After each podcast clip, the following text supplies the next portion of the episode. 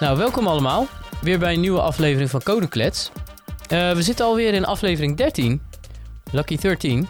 En uh, dit keer in real life.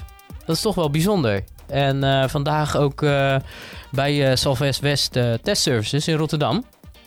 En ik ben vandaag jullie host, Kishen.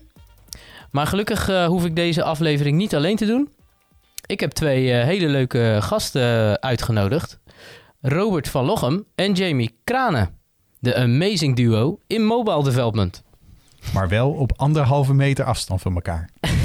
ja, ja, ja, ja, zeker, absoluut. Ja, dat moet ik niet weten te zeggen inderdaad. Eh, we zijn wel heel voorzichtig in deze ruimte. Precies, precies. Ja, je weet maar nooit. Uh, dus uh, we hebben alleen Niels nog niet de corona-app hebben we even gecheckt, hè? Nee, hebben we niet gedaan. nee, nee. Nee, nou goed, gelukkig heb ik ook niet zo scannen. Dus wat dat betreft vertrouw ik jullie wel. Wij jullie ook. Ja, oké, mooi, mooi, mooi. Ja, zoals je hoort, uh, ja, ik ben helaas uh, vandaag in mijn uppie. Het was de bedoeling dat ik met Bernard samen zou gaan opnemen voor Code Klets. Maar ja, helaas, hij vertelde me gisteren dat hij een niet zo mooie stem heeft op dit moment. dus, dus helaas, ja, dat zou niet ten goede zijn van de opname. Dus doe ik het vandaag even alleen. En uh, ja, ik ben natuurlijk hartstikke blij dat uh, Robert en Jamie vandaag ja, ons gaan verblijden met het onderwerp mobile development. ik zal Robert even kort even aankondigen. Nou, Robert van Lochem die programmeert al sinds zijn dertiende in Turbo Pascal. Ik hoop dat hij daar iets meer over mag vertellen. Want, uh, ja. ik, ik, ben het allemaal weer vergeten. Oh. Iets met pointers en dat soort dingen. En uh, vroeger mouse drivers gemaakt en zo voor de PC. Oh, nice. Nou, ik ben uh, toch wel nieuwsgierig, maar goed, dat komen we straks op terug. Um, en na tien jaar backend ontwikkeling in Java en wat Scala te hebben gedaan, is hij in 2010 gaan beginnen met ontwikkelen in Objective-C, iOS-apps voor NS bouwen en een klein beetje ProRail. Ja, want dat hoort bij elkaar, hè, toch? Of ook weer niet, hè? Ja, een, beetje, een beetje logistiek. Ja, logistiek, ja, precies, ja. En uh, nu uh, zit hij voornamelijk in uh, Kotlin en Swift in de frontend.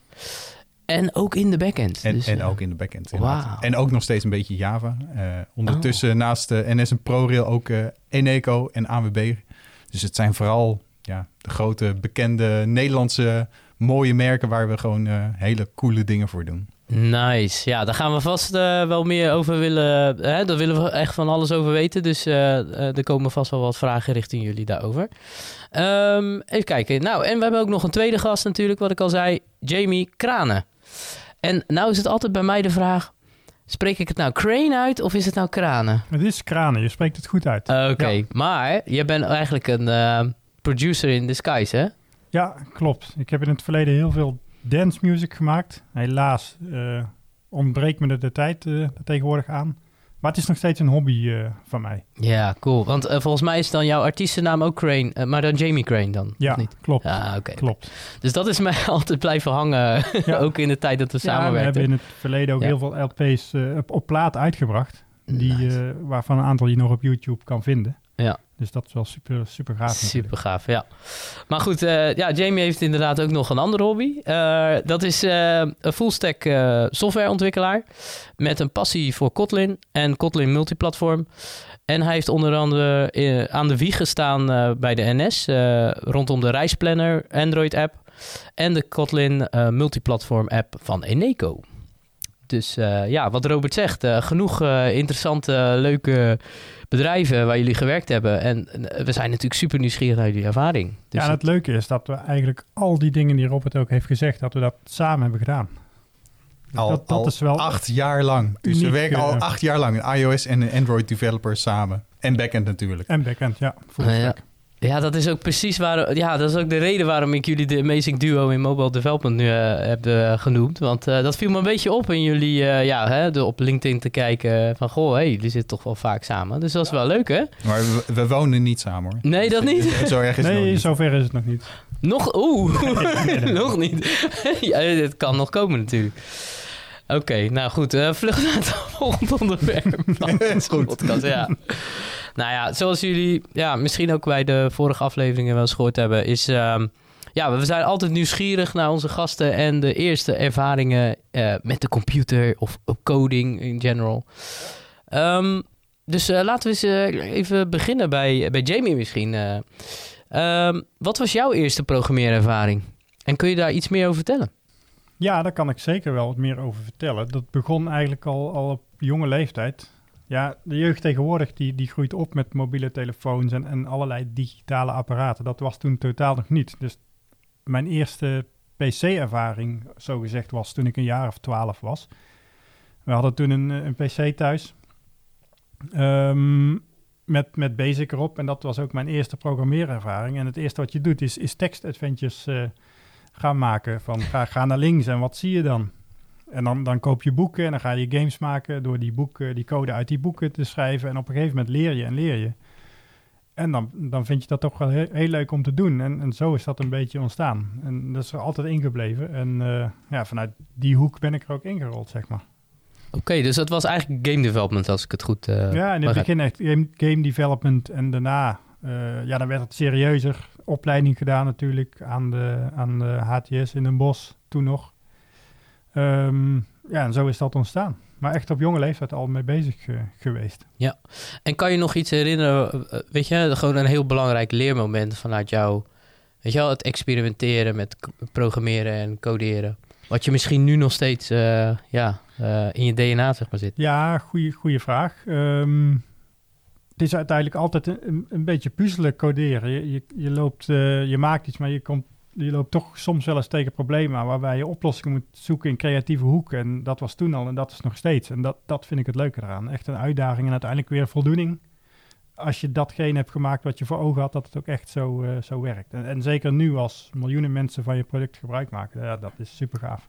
Ja, en, en uh, ja, misschien zei je het in het begin ook al, maar even voor mij, uh, welke ontwikkeltaal was dat ook weer, waar je het over had net?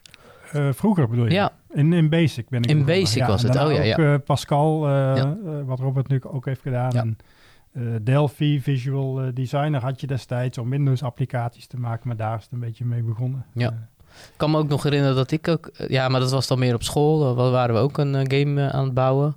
Dat was een soort van... hoe heet dat nou? Space Invaders spel, ah, zeg maar. weet je wel? dat cool, je dan... Cool uh, objecten moest kapot schieten en zo. Ja, uh, leuk. Ja, ja, dat was uh, wel heel bijzonder. dat was een hele bijzondere ja, ervaring. Games ook. zijn natuurlijk heel erg tastbaar. Dus dat, ja. dat is veelal de eerste dingen waar je mee in aanraking komt. Je, je ziet iets, je, doet, je doet iets, je ziet iets op het scherm verschijnen en dat, ja, dat is leuk. Ja, precies. Want wat mij nu even te binnen schiet hoor, is iets wat ik dan van geleerd heb, is dat, dat, dat ja, noem het maar even object-georiënteerd programmeren. Maar in ieder geval met objecten omgaan. Weet je wel? Van joh, dat je een object hebt, zoals inderdaad zo'n zo'n zo'n alien die je moet raken en die dan attributen heeft en dan, weet je wel, wat hij dan kan en wat hij niet kan. Ja. En, dat je daar dan encapsulatie omheen, weet je wel, maakt en dat soort dingen. Dus dat was... En, en, in het begin deed je dat misschien onbewust. Ja. En uiteindelijk leer je bewust dat soort dingen. En ja, dus dan zie je heel veel dingen uh, zijn herkenbaar.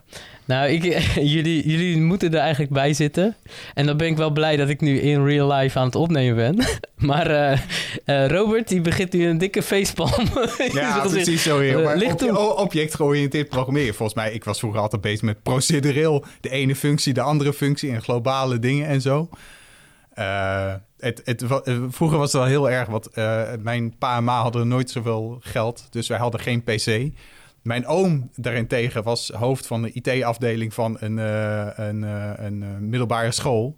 Dus die had allemaal computers thuis staan. Dus ik begon inderdaad gewoon zeg maar ieder weekend naar hem toe te gaan. En dan gewoon lekker GW Basic spelletjes spelen. En op een gegeven moment dacht ik, nou, ik wil wel, zeg maar, het lijkt me wel leuk om die dingetjes een beetje aan elkaar te knopen. Dus een soort minuutje gemaakt en zo. Nou, en toen begon het. En toen dacht ik, nou, het is wel heel stoer om dat soort dingen te maken. En uh, ik weet nog wel dat ik... Uh, we hadden op een gegeven moment hadden we een beetje geld uh, gespaard, Pama. En had ik bij een ander vriendje had ik een spelletje gespeeld. Scorched Earth. Ik weet niet of jullie dat kennen. Ja, ja, ja. Dat was echt... Dat was zeg maar een soort, een soort landschap. En er zaten allemaal verschillende tankjes op. En iedere speler had een eigen tankje.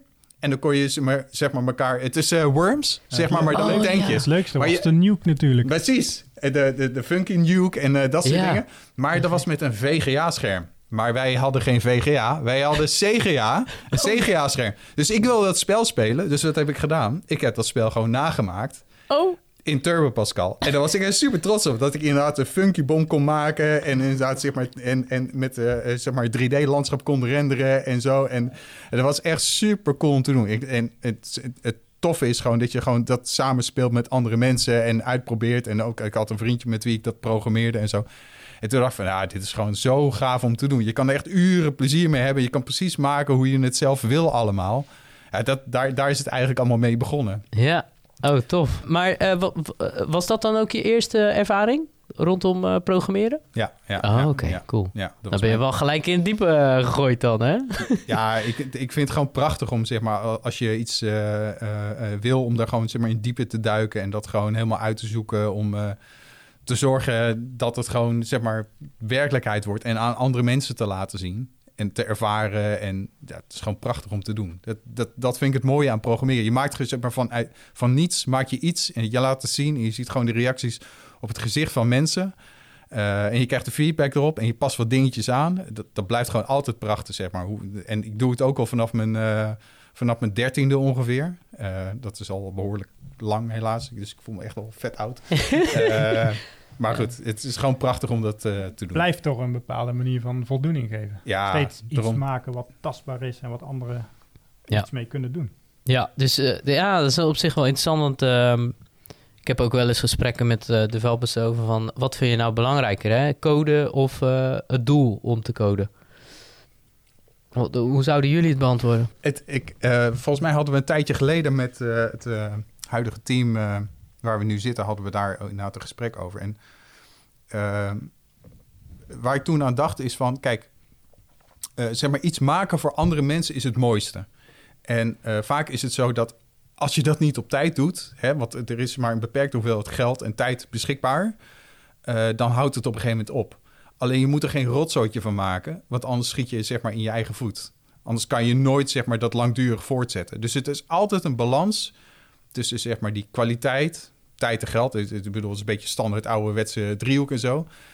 Ja. Maar je moet het altijd in ogenschouw nemen van wat is haalbaar en hoe ver kan ik gaan in het ene of het andere. En uh, nogmaals, ik heb echt vroeger, toen ik net begon met programmeren, ik weet nog wel, ik was aan, aan een of ander programma aan het uh, werken, het kies- en klik-menu. Daar kon ik allemaal verschillende DOS-programma's mee opstarten. Ik had er zo'n puin, puinzooi van gemaakt dat ik op een gegeven moment niet meer mijn eigen code snapte. Oeh. En toen dacht ik echt zo, oké, dit moet gewoon anders. Dus weet je, je leert gewoon wel van, oké, hoe, tot hoe ver kan je gaan? Wanneer snap ik het? En wanneer moet ik het aanpassen en zo? Maar je wilt toch altijd wel, zeg maar, een bepaalde voortgang wil je erin hebben. Ja.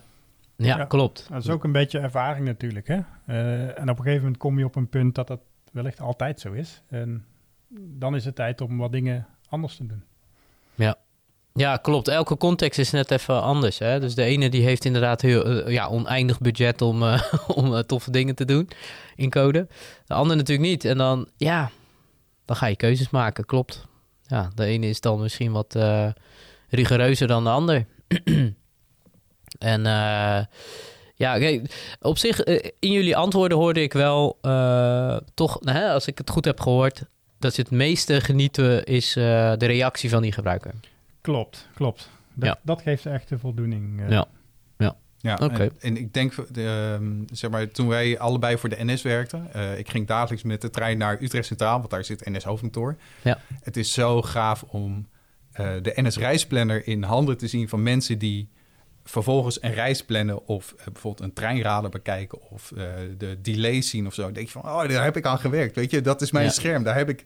Oh, en ik weet waar de bugs zitten of ik weet waar dit nog zit. Oh, dat werkt ook nog niet helemaal lekker. Maar ze komen er toch wel uit. En je ziet gewoon dat ze het gebruiken en uh, snel opstarten en weer weggaan. En dat vind ik ook het mooie van mobiele ontwikkeling. Mm. Want het is, zeg maar, ik kan het aan iedereen uitleggen. Ik kan het aan ik bedoel, niet alleen mijn moeder en vader of zo. Maar, zeg maar op verjaardagsfeestjes, die we de laatste tijd niet zo heel veel meer ja, hebben vanwege corona en zo. Maar ja. je kan altijd heel makkelijk binnen drie seconden kan je uitleggen ongeveer wat je doet. Ik maak apps voor iOS of uh, en ik maak ook de achterkant een beetje en uh, uh, en, en zegt ze, oh, wat heb je dan gemaakt? Nou, heb je de reispunt? Ja, die heb ik wel. Ik bedoel, oh, start oh, dat is gaaf. Die heb je, nou, dat is super cool om gewoon, zeg maar, dat, dat, dat ja. te doen. Het is ook heel erg tastbaar. Want iedereen heeft een mobiele telefoon bij tegenwoordig. Dus Iedereen weet waar je het over hebt. kunnen jullie misschien ook iets vertellen over jullie huidige project? Hè? Want jullie zijn de Amazing Duo op dit moment. Um, oh man. um, ja, welk project zitten jullie nu? Uh, en um, uh, kunnen jullie iets meer over vertellen? Ja, zeker. We zitten nu bij de AWB allebei en we werken uh, aan de Onderweg-app. De Onderweg-app is natuurlijk een van, een van de, de vlaggenschip-apps van de AWB. En wat we concreet dit jaar hebben gedaan is um, het tanken en laden. Uh, waar zijn laadpalen nou beschikbaar? Waar zijn tankstations beschikbaar? Om dat op een betere manier inzichtelijk te maken in de app. Uh, en ook dat je in real-time beschikbaarheid krijgt te zien van waar is nou een specifieke uh, laadpaal. Is die nou beschikbaar of niet? Dus als je je reis gaat voortzetten met je elektrische auto, dan kun je ook zien is die laadpaal beschikbaar of niet. Ja. Um, dus daar zijn we voornamelijk uh, mee bezig geweest. Plus we werken nog aan hele nieuwe coole features. Uh, daar mogen we helaas nu nog niet heel veel over zeggen, maar dat ja. gaat er wel, uh, wel aankomen. Oh, spannend joh. En uh, hoe lang zitten jullie er al, Robert? We zitten er sinds februari ongeveer.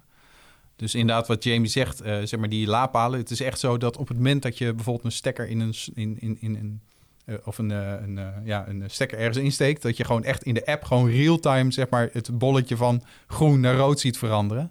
Gewoon zeg maar zo real-time. En we hebben daarvan niet alleen zeg maar, de iOS en Android voorkant gemaakt, maar ook de backend. dus bijvoorbeeld we hebben een polling mechanisme die netjes gewoon iedere 20 seconden polt. Sorry, het geen, zijn geen websockets. Dat zou nog mooier zijn, maar goed, dat, dat komt kom er wel. Oh, maar, maar het toffe is, we, we, krijgen wel zeg maar netjes uh, via patch request, via een derde partij, krijgen we niks aangegeven, zeg maar welke palen gewoon uh, uh, onbeschikbaar zijn of ineens in gebruik of iets dergelijks. Dus het is best wel, best wel real-time. Het draait allemaal op AWS en Kubernetes omgeving. Oh.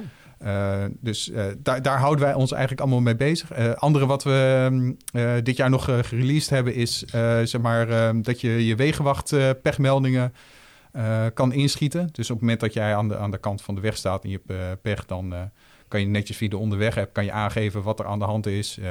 we gebruiken natuurlijk netjes je GPS-locatie. Als je ingelogd bent, dan weten we precies wie jij bent en zo. Dus dan wordt er een, uiteindelijk een wegenwachtautootje naar je toegestuurd. Echt waar, joh. Dus, dus zover gaat het. Dus dat jullie ook echt, uh, ja, noem het maar even de connectie van de klant. Van, van, van, hè, dus dus de ANWB en de klanten van ANWB, zeg maar, kunnen maken. Oké, okay, dat is wel interessant, zeg. Um, en uh, ja, zou die ook iets kunnen vertellen over hoe groot jullie team nu op dit moment is? Um, dus of een development team. Ja, ja. Um, ik, ik schat een, een, dat we met 15 personen nu in het uh, team uh, zitten van de Onderweg-app. Daar zitten een, een, een, stuk of vier Android-developers, waarvan een aantal full-stack. Vier iOS-developers, als ik het goed heb. twee dedicated back-end-developers. we hebben nog een Scrum Master, een designrol. Dus het is een redelijk, een redelijk groot team. Um, er zitten best wel veel functionaliteit in de onderweg. Bijvoorbeeld ook een parkeren stuk waarmee je kan zien welke parkeerplaatsen beschikbaar zijn en dat je ook echt een plek kan reserveren. Dus verschillende uh, devs werken aan verschillende onderdelen in de app, zeg maar. Oké, en hoe, hoe, hoe, bevalt dat? Hè, want er zijn toch twee verschillende technologieën. Hoe, hoe valt dat samen? En hoe, hoe is de ervaring dan tussen de developers? Qua iOS en Android ja. jij? Ja. ja, op zich gaat dat goed, want we hebben redelijk veel contact uh, met elkaar, ook als één team. Gezamenlijk uh, uh, scrum team, gezamenlijke stand-up. Dus we weten redelijk goed van elkaar waar we allemaal mee bezig zijn. Oké. Okay. Het feit blijft natuurlijk, omdat je Android en iOS native doet, dat je twee keer dezelfde dingen aan het bouwen bent. Oh, Oké, okay, ja, ja dat, dat was ook een beetje waar ik nieuwsgierig naar was. Van ja. hoe, hoe, jullie daar dan mee omgaan. En zijn het dan ook twee echt aparte teams? Of, of doen jullie dat samen? Want Nee, het is, uh, het is één team eigenlijk. Uh, wat we proberen is dat bijvoorbeeld één platform iets vooruitwerkt. Uh, de eerste implementatie maakt. Hè, daarmee loop je al tegen wat problemen op aan um, en moet je ze oplossen. En dat het tweede team, of het tweede team, zeg maar, dat andere platform er een beetje schuin achter loopt. Zodat je niet nog eens een keer dezelfde problemen tegelijkertijd hoeft op te lossen. En dat is, daarmee behaal je best wel wat winst eigenlijk. Um, daarnaast proberen we in mindere, meerdere mate proberen ook zeg maar, bepaalde manieren in de code, zeg maar, qua architectuur, het ook op dezelfde manier op te lossen. Door dezelfde patronen te gebruiken ongeveer. Hè, bijvoorbeeld Android gebruikt Compose. in iOS gebruiken we Swift UI. Dus, en, en view models en zo. Dus we, we, het, het, ziet er allemaal wel een beetje ongeveer hetzelfde uit. En ik denk dat dat juist goed is. Want op zich, misschien is de interactie net een klein beetje anders. En zijn de UI-componenten net een beetje anders. Maar de business logica is hetzelfde. Je backends zijn hetzelfde. Uh, het hoort eigenlijk op dezelfde manier te reageren. Vanuit functioneel gezien eigenlijk. Uh, dus ja, daar zit best wel wat kruisbestuiving tussen. Klopt, en uiteindelijk, functionaliteit moet in beide apps terechtkomen. Dus, dus je hebt ook uh, continu met elkaar te maken. Ja, nee, oké. dus, dus als ik het goed heb begrepen, jullie teamsamenstelling is wel zodanig ingericht dat, of teams, uh, hè, want ik hoorde net twee teams, hè, toch? Dat Onderweg heb dus één, uh, één team, okay. maar wel dedicated Android en iOS oh, okay. developers, maar wel ja. in één, één gezamenlijk Oké, dus jullie zeiden wat dat betreft één team. Nou, dat is wel gaaf. En, en, en zien jullie dan ook dat uh, Android developers ook een beetje iOS programmeren andersom? Ja, en vice versa. Dus uh, bijvoorbeeld, uh, uh, we hebben een ander, ander teamlid, San hebben we erin zitten, die af en toe gewoon Android bijspringt. Ja. Hè, om bepaalde dingen gewoon op te pakken of zo. En dat cool. kan ook gewoon prima. En ja, ja datzelfde ehm, doen we ook bijvoorbeeld, zeg maar, de, een aantal iOS'ers kan ook gewoon prima Kotlin. Dus wij kunnen ook gewoon prima in die code kijken of dingetjes aanpassen. Of, ja. Dat is allemaal geen probleem. Ja, dan zou ik ook misschien straks ook, we hebben nog een onderwerp staan, daar zou ik ook willen inzoomen. Van, uh, ook voor degenen die daar misschien nog niet echt mee bezig zijn, misschien even kort introduceren.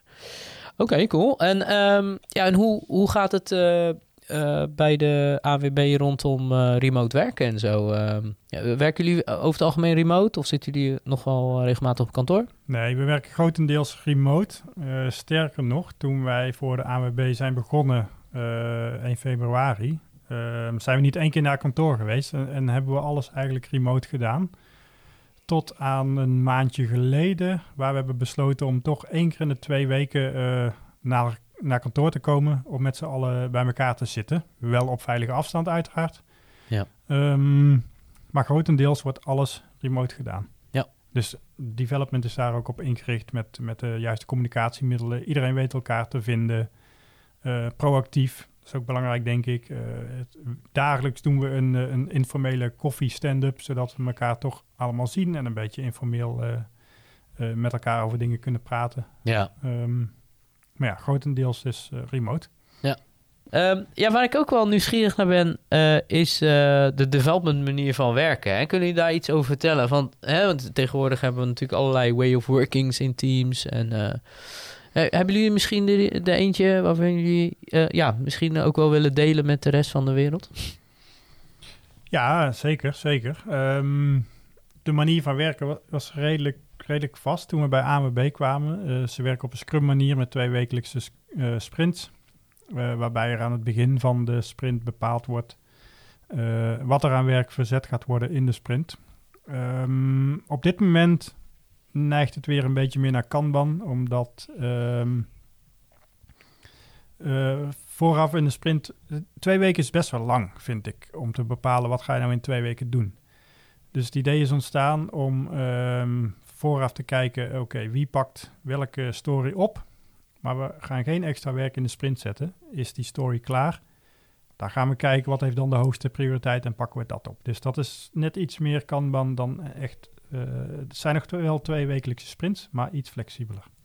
En zitten ze bij ANWB echt op de deadlines en dat soort dingen? Of uh, valt wel mee? Ja, ligt eraan wat voor functionaliteit het is. Als je zorgt dat je niet eh, iedere keer dezelfde demo laat zien, zit je goed. Oh, nice. Ja, dat is wel een hele goede graadmeter. ja, precies. How to kill your software project. Show the same demo twice.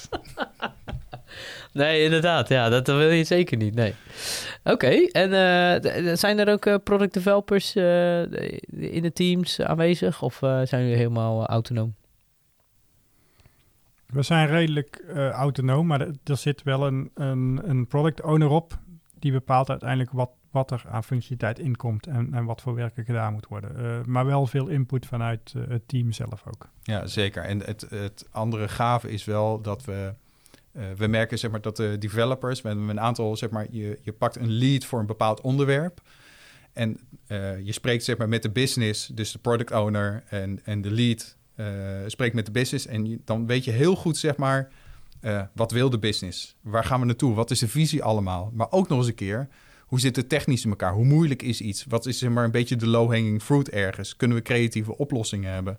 En dat is best wel waardevol, denk ik, wat we nu uh, geïntroduceerd hebben bij de, bij de AWB en wat wel goed werkt. Um, dus, en, en daarmee kan je best wel zeggen van nou, weet je, dit is mogelijk of dit is heel erg lastig. Of, uh, en, en dan kan je heel snel inschatten en heel snel stories maken en heel snel opleveren, zeg maar, waar die business en die klant uiteindelijk zeg maar, behoefte aan heeft. Ja, het voordeel daarvan is dat men ook een bepaalde manier van verantwoordelijkheid gaat krijgen voor het werk wat gedaan wordt. En ik denk dat dat heel belangrijk is om uh, als je iets oppakt van waarom doe ik nou iets en, en wat maakt die klant nou blij. Ja, want het is niet alleen maar een story op de backlog, maar het is, weet je, uh, ik wil graag meer uh, dat als iemand bijvoorbeeld pech helpt, heeft, uh, dat hij bijvoorbeeld, uh, en hij is nog geen lid, dat hij zich makkelijk kan aanmelden. Weet ja. je, dat is een nieuw lid voor de AWB. Het is super waardevol eigenlijk. En als je dat gewoon kan pushen of als je die, die functionaliteit mogelijk maakt, dat is natuurlijk super gaaf om, om, om, om dat op te gaan zetten eigenlijk. Ja, ja dus ik keert weer terug waar we het in het begin over hadden, weer die empathie voor die gebruiker. Ja, ja. Dus dat moet er wel uh, in zitten, denk ik. Ook voor degene die dan ook die requirements gaat opstellen. Ja, nou, dat is wel tof uh, dat jullie daar ook uh, aandacht aan besteden, want je hoort het ook wel eens anders. Zeker, zeker.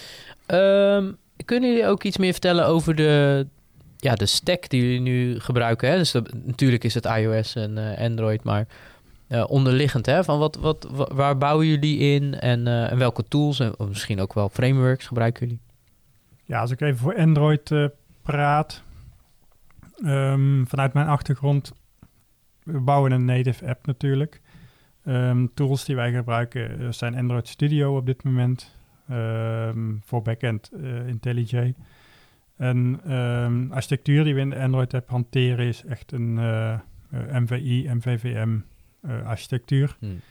Um, maar AWB is natuurlijk een, een, app met een lange lifecycle van, van jaren aan ontwikkeling. Dus je ziet daar een verscheidenheid aan, aan patterns in terugkomen. Um, en dat zal ook voorlopig zo blijven. En dat is ook prima, omdat alles evolueert mee natuurlijk. Maar dat wil niet zeggen dat je uh, al het oude meteen uh, moet omschrijven elke keer naar iets nieuws. Want als je dat gaat doen, dan, dan krijg je op een gegeven moment niks meer gedaan. um, ja. dus daar is een stukje common sense ook, uh, ook aanwezig. Um, maar nieuwe dingen, allemaal volgens nieuwe, nieuwe patronen. Alles in, in Kotlin ook. Um, en qua backend doen we veel met Spring Boot op het Kubernetes platform op AWS. En welke database systemen gebruiken jullie? Zijn verschillende. Um, de, de search uh, uh, hebben bijvoorbeeld Elast Elasticsearch voor, voor bepaalde real-time systemen, uh, DynamoDB. Um, het ligt een beetje aan de use case en de functionaliteit. Oh ja, ja, ja. Dus de respons die jullie misschien verwachten, dat soort dingen. Ja. Oké. Okay. En heel veel integratie met, met externe systemen waar data vandaan komt. Zoals bijvoorbeeld de oplaadpalen, de tankstations, de parkeerplaatsen, et cetera. En uh, ik neem aan dat jullie ook allerlei ja, services bouwen. Uh, werken jullie ook met, het, ja, dan ga ik weer zo'n zo'n buzzword gebruiken, maar werken jullie ook met microservices en dat soort zaken? Met, het, met dit gedachtegoed, laat ik zo maar even zeggen. Ja, een voorbeeld is bijvoorbeeld de service die de real-time, die real-time de beschikbaarheid van de laadpalen oplevert. Dat is een specifieke service die specifiek voor dat doel is, is gebouwd. Ja. Oké. Okay. Ja. En hoe doen, we, hoe doen jullie dat met iOS? Zijn daar ook bepaalde frameworks die jullie zouden aanraden of tools? Um? Nou, de, eigenlijk wat we, wat we doen is uh, nou, voornamelijk Swift. Uh, dat, dat, is prima. Ook daar heb je, zie je weer, het is een app die zeg maar een lange lifecycle heeft. Die heeft verschillende patronen. Uh, Viper heeft het erin zitten. maar nu gebruiken we vooral Swift UI en MVVM. het lijkt enorm veel op Android met dus Compose. Dus dat is goed, want dan kan je gewoon een leentje buur doen eigenlijk. Hm. Um, ja, het is, uh, we, hebben, we hebben netjes uh, GitLab met een uh, CI-CD-straat. op het moment dat je zeg maar, een branch aanmaakt met een pull request, dan wordt automatisch gebouwd, getest, et cetera. zodra die gemerged wordt naar develop, omdat we Git Flow gebruiken, wordt, die, wordt er een testversie wordt er neergezet. Dus je kan het ook gelijk op je device zetten of testers kunnen op een device zetten om het te testen. Dus het is volledig geautomatiseerd. Er zit nog een stukje Swift-lint tussen om te checken inderdaad of je wel voldoet aan de coding guidelines en uh, dat soort dingen. Ook al zou ik eigenlijk eerder willen zeggen van... gooi er alsjeblieft een script overheen die het automatisch uh, goed zet. want daar hoef ik er niet over na te denken. Echt, hè? Dat soort dingen. Ja. Maar goed, het, het, is, het, is, allemaal prima. Het is, wel het is best wel goed, uh, goed geautomatiseerd. Het is gewoon, gewoon erg fijn. je noemt net Gitflow. Waar, waar, valt welke... Ja, want ja, ik, zit, ik werk toevallig bij de NS nu op dit moment. En daar gebruiken ze over het algemeen veel Jenkins en Azure DevOps. Waar valt Gitflow in? Ja, we, we gebruiken dus GitLab als... Uh, ze, dus AWB heeft een self-hosted GitLab-omgeving... die in principe CI-CD-pipelines aftrapt. Dan hebben ze ergens geloof ik een M1 Mac Mini staan... die zeg maar de beeldserver is. Ehm, ja, dat, die, die, die M1's die zijn best wel snel trouwens, potverdorie. Dus we, we zijn ook, we hebben ook onze creditcard getrokken voor de nieuwe Mac Pro's of een nice. MacBook Pro's. Maar goed, dat komt straks al. Ja, ja snap ik. Ja, oké, oké. Nee, inderdaad. Dus Gitflow zit, is dus van GitLab. Ja. Ja, ja maar okay. het, is, het is inderdaad voor iOS-ontwikkeling is het best wel belangrijk... gewoon dat je een, een, een goede beeldstraat, goede pipelines klaar hebt staan... zodat je niet zelf hoeft te bouwen. Want uh, ik heb nog steeds wel af en toe zeg maar, projecten dat je denkt van... oké, dan moet het naar de App Store of, of dan moet een testversie... En vervolgens is dan een ontwikkelaar bezig om op zijn laptop netjes vanuit Xcode een, e- een archive en een upload te doen en dingetjes. Weet je, dat soort dingen kan je tegenwoordig allemaal zo goed automatiseren. Dat, ja. dat hoef je, daar hoef je echt niet meer over na te denken. Ja, want dat is een, een, eh, een noob question vanuit mijn kant. Uh, heb je nog steeds de App Store nodig in de middel? Of uh, kan je dingen ook al zelf, weet je wel, gewoon providen, zeg maar? En, nee. Nee. Nee, je hebt de App Store nog steeds nodig. Je ontkomt er gewoon niet aan. Ja, Nee, kijk, en dat is natuurlijk een beetje het lastige aan iOS-ontwikkeling. En uh, ik, ik, ben, ik ben een groot fan van continuous integration. Want uh, hoe eerder jij feedback hebt over hetgene wat je hebt gemaakt, des te beter. Dus de beste feedback is bijvoorbeeld de compiler, want je drukt op uh, compile en je krijgt gelijk een error te zien en je kan het fixen. zeg maar, web heeft natuurlijk iets, iets prachtigs als je dat allemaal strak hebt ingericht. Dat als je een change maakt, en dat gaat door al je testen heen en staat het in principe binnen no time staat het op productie staat het gewoon uh, zeg maar te draaien. Dat is super gaaf. Dat zou ik heel graag willen voor iOS, maar het zit er gewoon niet in. Want we hebben het gewoon te maken met een App Store waarin je moet submitten en moet wachten op een review tijd. Nou valt die review tijd tegenwoordig wel mee, want het is uh, vaak is het een halve dag, een uh, paar uur. Dus het, het is best wel snel.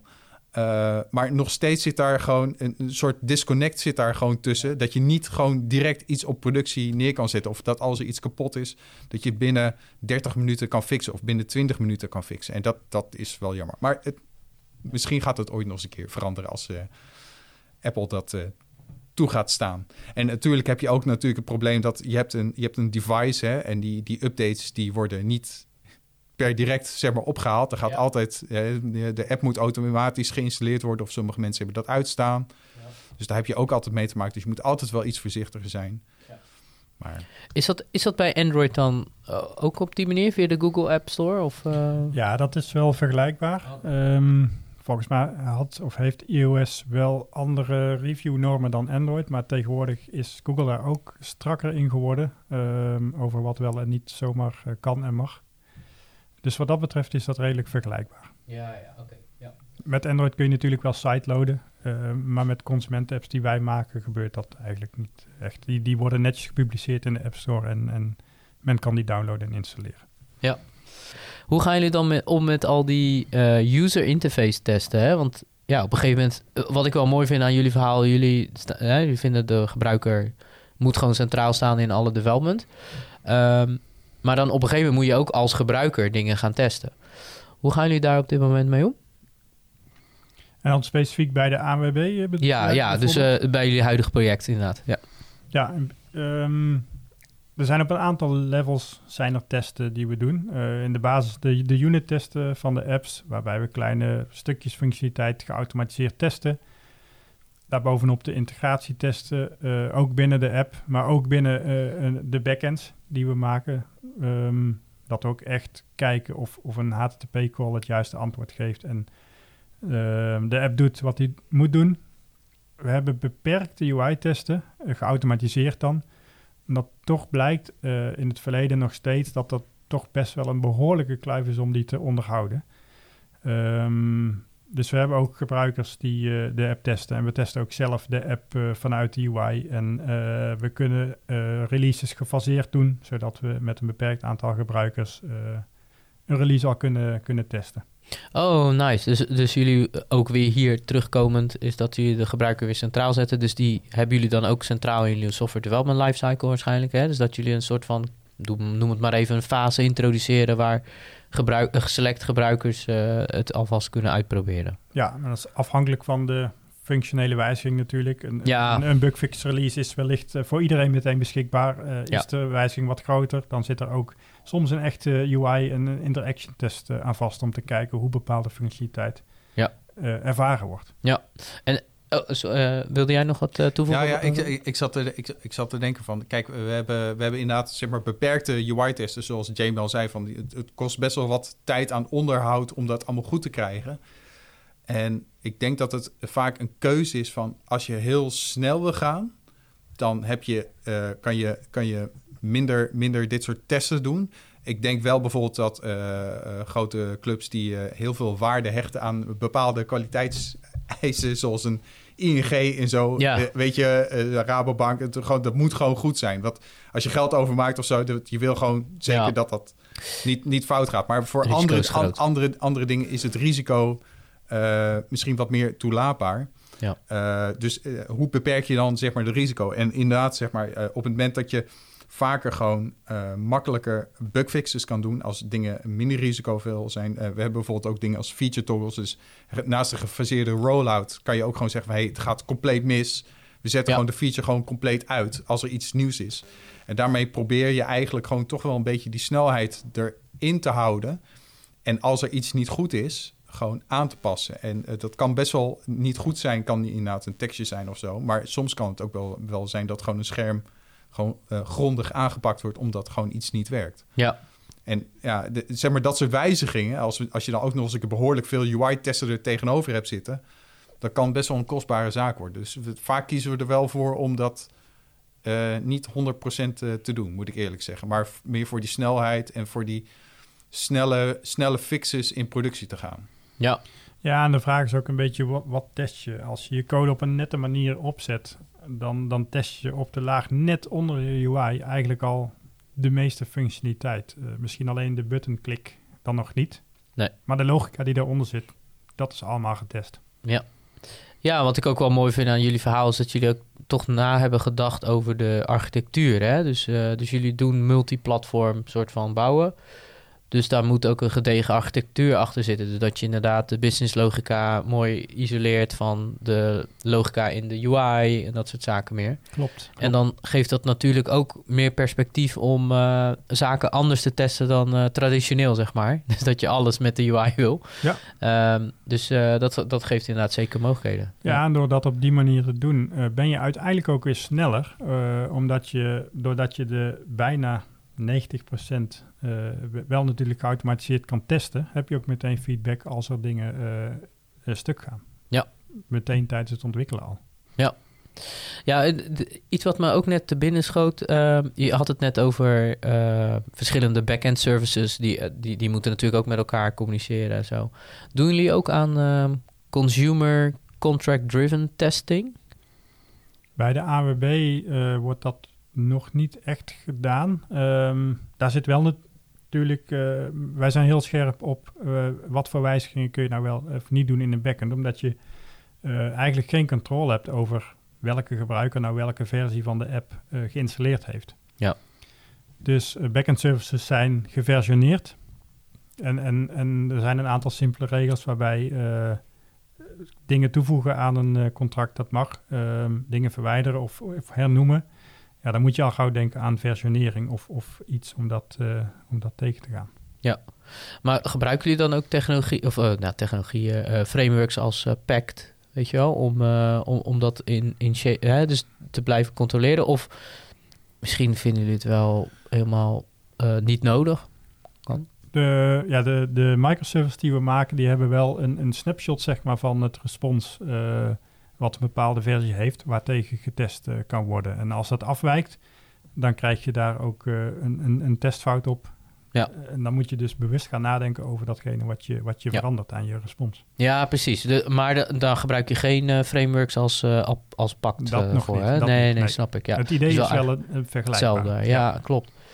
We, hebben, we hebben het wel gedaan bij ehm, voorgaande klanten. Dat we wel, eh, zeg maar, vooral third-party services waar we weinig controle over hebben. Hè? Dus, want wij maken ook zelf onze eigen backends. Vooral bij de, eh, hebben we dat bij de NS hebben we dat erg veel gedaan. Ehm, maar er waren een aantal third-party diensten waar we geen controle over hadden. Waar we toch wel gewoon, zeg maar, checkscriptjes hadden om te checken van... één, doet hij het wel? En twee, wat, wat is er gebeurd, zeg maar?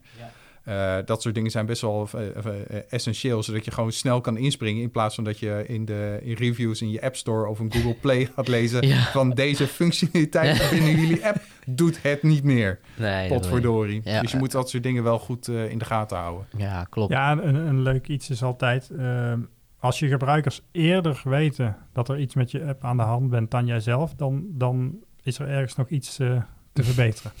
Het zo maar te zeggen. Ja, en een van de, Ik denk ook wel dat het belangrijk is. Dat eh, we ook weer bij de NS geleerd is. dat we eigenlijk overal wel onze eigen eh, proxy of eh, aggregated service tussen zetten. Want op het moment dat een third party of een, een, een API waar wij geen controle over hebben iets verandert, dat we nog dingen kunnen fixen zonder dat onze gebruikers er last van hebben. Want je kan inderdaad niet iedereen dwingen om per direct een Nee. nieuwe versie neer te zetten. Ja. Dus dat is toch wel een, zeg maar, een les die we in het verleden hebben geleerd. Je wil altijd zeg maar, eh, zeg maar de, de laag tussen je app en je, eh, eh, je backend... daar wil je toch wel zeg maar, bijna absolute controle over hebben. Wil je gewoon een stabiele app-ervaring hebben. Ja, ja, klopt. Ja, precies. Want dat is wel een, een- Kijk, ik kom heel erg uit die web, weet je wel. Ik, heb vaak met webapplicaties te maken, gewoon heel eerlijk. Ik heb heel weinig met mobile apps te maken. Maar dat is gewoon een hele andere manier van denken over hoe je eh, software moet uitrollen. Want inderdaad, wat je zegt, je, op een gegeven moment kan je inderdaad mensen gewoon niet dwingen. Hè? Van, eh, joh, je moet over. Want eh, ook met die oude versie, of meuk wilde ik bijna zeggen. Ja, moeten Ja. blijven, moeten Moet blijven, gewoon werken. blijven werken. Ja, precies, ja, dat is en het. dan, en dan zijn er wel mechanismes te verzinnen dat, dat je een gebruiker een notificatie kan sturen of een melding in de app. Maar dan nog heb je daar, mag je er niet van uitgaan dat, dat je altijd alle gebruikers op een bepaalde versie zitten. Mhm, Ja. En kunnen, kunnen ja, jullie zijn al acht jaar samen, hè, toch? Dat, eh, toch, zijn jullie net, hè? Vanaf 2013 ontwikkelen wij eh, eh, samen inderdaad. Ja. Ja. ja, Hebben jullie eh, misschien wel ergens een, een gouden tip om dat eh, goed te doen, zeg maar? Hè? En dan echt Om, om, lekker acht de- jaar, om acht jaar samen te kunnen werken. Ja, dat sowieso. Hoe hou je het vol? Nou, laten we daar eens mee beginnen. Ja, hoe hou je het vol? Vooral leuke en uitdagende dingen blijven doen, denk ik. En elkaar scherp houden en, en van elkaar leren. En ja, ik denk dat dat wel een belangrijke is. Ja, en vooral- en, het, en het moet ook klikken natuurlijk. Ja. Eh, Vooral, vooral ook openstaan zeg maar, voor andermans ideeën. Weet je wel? Het- is Ja. vooral, je, je, bent er, je bent er om te leren. En op het moment dat je van elkaar kan leren, dat, dat, is, gewoon, dat is gewoon goud waard eigenlijk. Klopt, je kan niet alles zelf weten of doen. Eh, nee, de, de kracht van, van het samenwerken, eh, ja, dat is groter dan het individu, denk ik. En dat, dat is misschien ook wel het mooie, omdat je toch wel twee soort van vers- verschillende technologieën hebt. Ook al lijkt het enorm veel op elkaar, hè, krijg je toch wel nieuwe inzichten van hoe heb jij het gedaan. Of, het- weet je, eh, je, je doet het toch een beetje in een andere taal, op Ja. een, net een andere manier. Maar je leert er echt enorm veel van elkaar. En je ziet ook wel bijvoorbeeld dat eh, eh, volgens mij eh, Android begon eerst, eerst geloof ik met Compose, een beetje achtig met, eh, of tenminste Jamie is begonnen met Flutter bijvoorbeeld van Google. Eh, en, en de manier waarop eh, Apple begon later met Swift UI, toen kwam Compose ongeveer. Ja. En, en dan leer je toch wel zeggen van, oh, Flutter was wel heel gaaf. De manier waarop zeg maar, schermen werden opgebouwd en zo. Het is een hele andere manier van werken. En dat beginnen we een beetje hier over te nemen. En we hebben ook een tijdje met RX eh, dingen gaan reactive programmeren. Ja, het is gewoon super gaaf om dat, om dat te ontdekken. En dat in de verschillende technologieën, zeg maar, allemaal op een beetje op dezelfde manier uiteindelijk toe te passen. Ja. Oké. En, en ehm, hè, stel dat een van jullie zoiets had van... nou, ik ben er klaar mee. eh, ga je dan ook gelijk weg? Gaat de ander dan gelijk weg?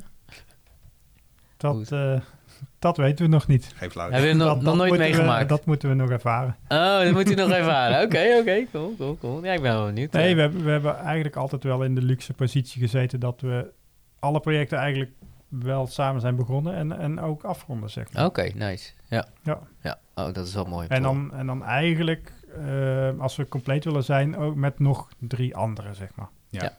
Het is een team van, van vijf ja. in totaal.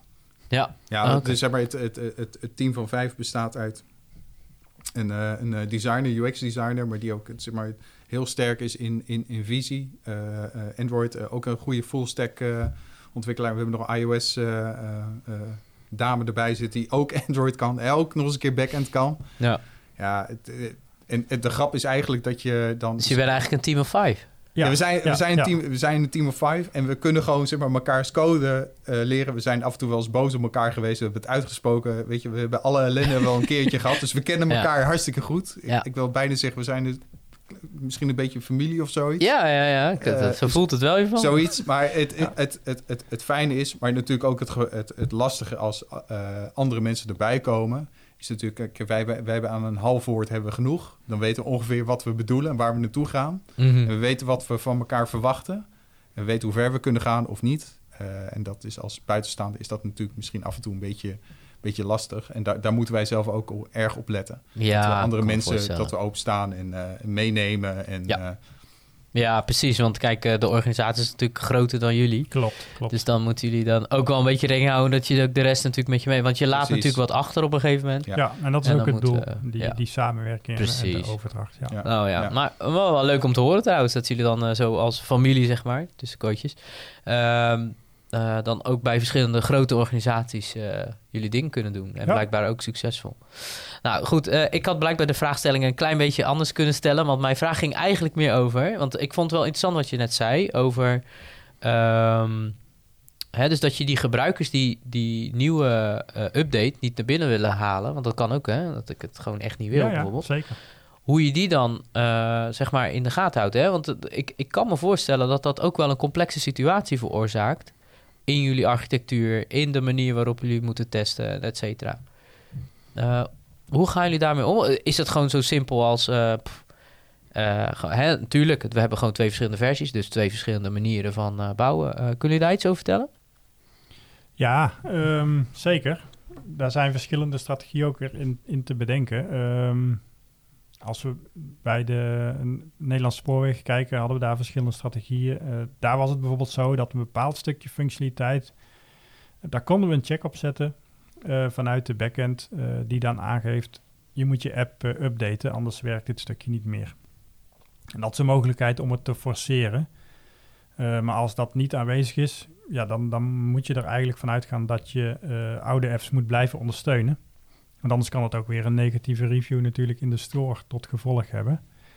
Um, maar op een gegeven moment moet je ook kijken naar hoeveel gebruikers zitten nog op een bepaalde uh, Android of iOS versie. Dan besluit je om een bepaalde versie wellicht niet meer te ondersteunen. Um, ja, en dat, dat is aan jezelf om te bepalen wat is acceptabel. Ja, want, want, want, hoe, ja, dan kom ik toch even terug op het test. Hey, jullie zitten wat altijd in, het, met in, de, in de podcast host die het meeste gaat over testen. ja.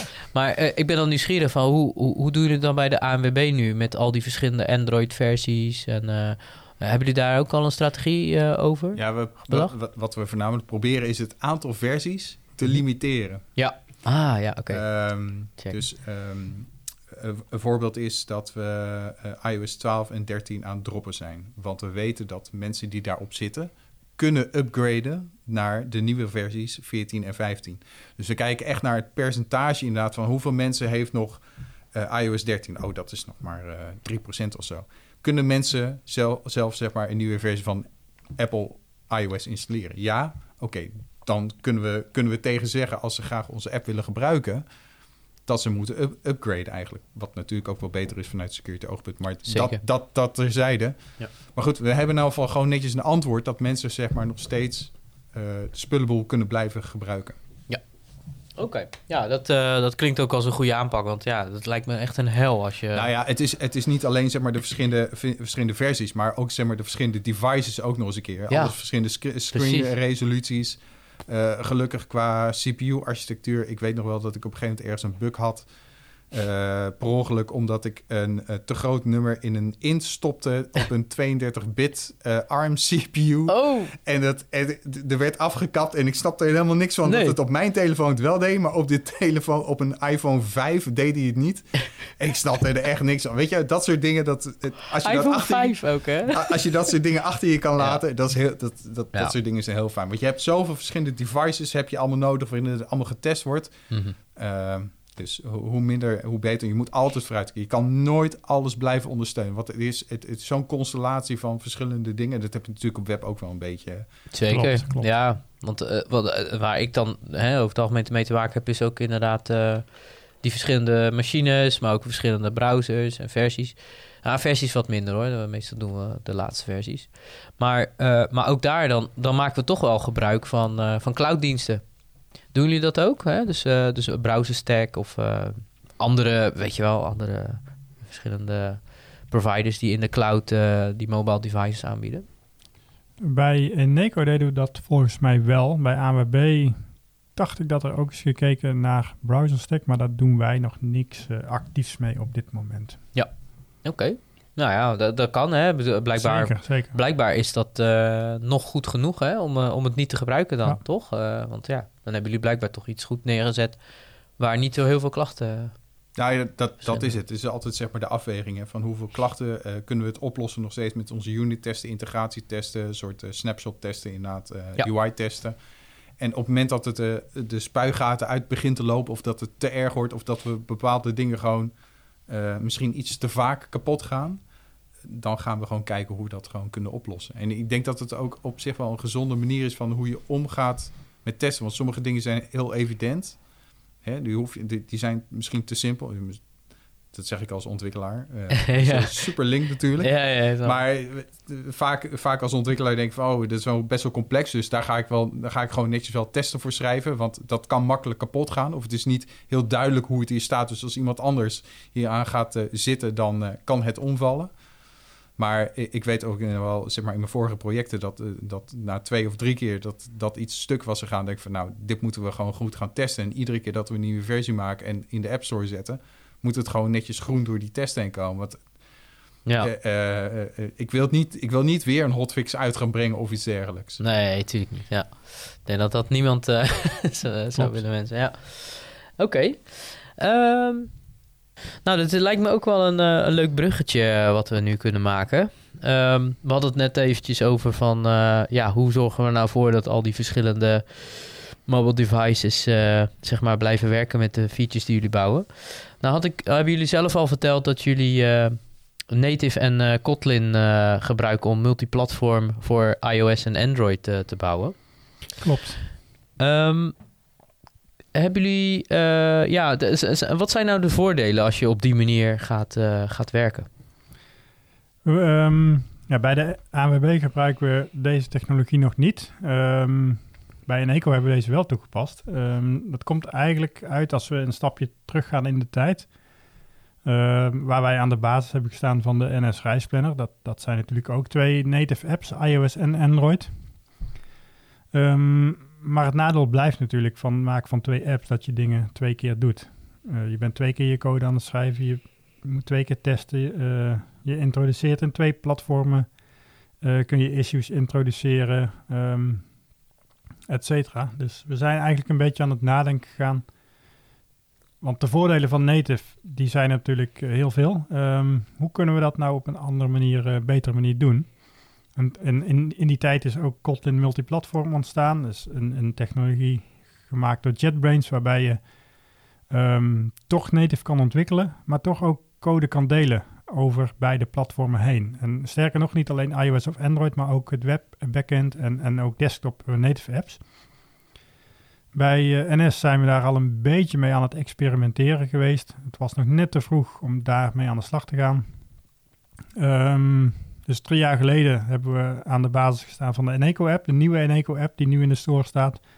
En daar hebben we wel de keuze gemaakt om het met uh, Kotlin multiplatform mobile te doen.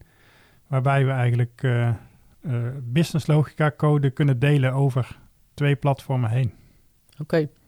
En uh, voor, voor diegenen die uh, Kotlin nog niet kennen, zou, zou een van jullie misschien kunnen uitleggen waar het vandaan komt en, en wat het is? Ja, Kotlin is een taal die in 2011, als ik het goed heb, versie 1 is uitgekomen, ontwikkeld door JetBrains als alternatief voor, voor Java. Als een eenvoudigere language, null safety, concise, um, met functionele aspecten erin. Het heeft eigenlijk echt een enorme vlucht genomen toen Google aankondigde... Uh, Kotlin wordt de first class language voor, voor Android in plaats van Java. En, en daarna is het echt in vogelvlucht gegaan. En waarom denk je dat Google zoiets heeft besloten? Um, hebben jullie al zo diep het onderzocht? Nee, niet, niet zo diep onderzocht, maar wa waarschijnlijk ook omdat de taal een hoop voordelen biedt ten opzichte van, van Java. Ik, ik weet uit een rapport van Google dat um, het aantal crashes um, door gebruik te maken van Kotlin uh, sterk verminderd wordt in Android-apps. En dat kunnen ze analyseren natuurlijk in, in de Play Store in Crashlytics. Maar dat zagen wij zelf ook. En, en dan voornamelijk het aantal null-pointer exceptions wat drastisch minder is, omdat Kotlin um, een null-safe language is. Wil niet zeggen dat je niet kan krijgen, maar het, het, is een stuk minder dan op, op Java. Is het, is het niet omdat ook uh, Oracle en Google op een gegeven moment de juridische strijd om Java waren begonnen in Android? Dat zou kunnen, dat zou kunnen, ja. Maar goed, daarnaast, ik bedoel, ik vind Kotlin echt veel betere taal dan uh, Java. Ook al heb ik zelf tientallen jaren ervaring in Java. En zou, zou, je daar een voorbeeld in kunnen geven? Wat je er beter aan vindt ten opzichte van Java? Nou, ik, goed, vanuit iOS doe ik al best wel lang Swift. En eigenlijk bijvoorbeeld die, die, die null safety, uh, type inference, dat soort dingen. Dat heeft Kotlin ook allemaal. Dus voor mij was het gewoon een soort van warm bad waar ik in terecht kwam eigenlijk. Van, oh, Kotlin heeft dat ook. Alleen de syntax is net even anders. En het heeft bepaalde dingetjes werken net even, even anders. En er zijn een paar prachtige cheat sheets. Vooral als je als iOS-ontwikkelaar iOS Swift... Uh, Kotlin ineens wil doen, dan kan je zeggen van nou, ik wil dit doen in, uh, ik wil een uh, lijst aanmaken. Hoe maak je een lijst in Kotlin aan? Of hoe, hoe verander je, hoe werken data classes of uh, iets dergelijks. Uh, het, het, het, het voelt gewoon, zeg maar, uh, zeg maar modern. Nou, dat niet alleen. maar het voelt ook gewoon, zeg maar, het, ongeveer hetzelfde. Dus hm. zeg maar, wat je in Swift kan doen, kan je ook in Kotlin doen en ongeveer vice versa. Klopt, ja. klopt. En, het lijkt wel, af en toe doe ik nog wel eens dingen in Java hoor. Dat, uh, dan ben je toch, ja, Kotlin voelt alsof het een minder cognitieve overhead heeft dan, uh, dan Java. Het gaat allemaal vanzelfsprekend. Uh, wat je zou willen maken, dat, dat maak je in Kotlin. Zonder daar echt uh, een, een hele boilerplate code voor nodig te hebben. Ja, ja, oké. Dus dat is het punt dus meer. Ze, ze zorgen ervoor dat het alle boilerplate uh, voor je al weggeabstraheerd is. Voor een groot deel, ja. Ja, oké. oké. Ja, nice. Zijn er nog andere voordelen die... hè, stel dat je inderdaad iOS en Android moet gaan supporten het voordeel van uh, Kotlin ten opzichte van native uh, bouwen. Ja, wat, wat je eigenlijk met Kotlin multiplatform doet, je, je bouwt ook echt native, um, maar je maakt eigenlijk een geshared, een shared codelaag, die bouw je in Kotlin. Um, in Android kun je die gebruiken als zijnde een native library. In iOS uh, wordt die gecompileerd naar een framework en kun je hem dus ook gebruiken als een native library. Uh, dus het is eigenlijk gewoon een native app uh, een, een, een native stukje code wat je maakt, maar dan wel gedeeld over beide platformen. Ah, ja, dus, dus je hebt je business logica kun je delen. Um, wij zijn bij Eneco begonnen met Kotlin multiplatform en um, in eerste instantie deden we de, de business logica, de HTTP request, de objectserialisatie vanuit de uh, server, allemaal in, uh, in common code. Dus dat werd allemaal gedeeld over beide platformen.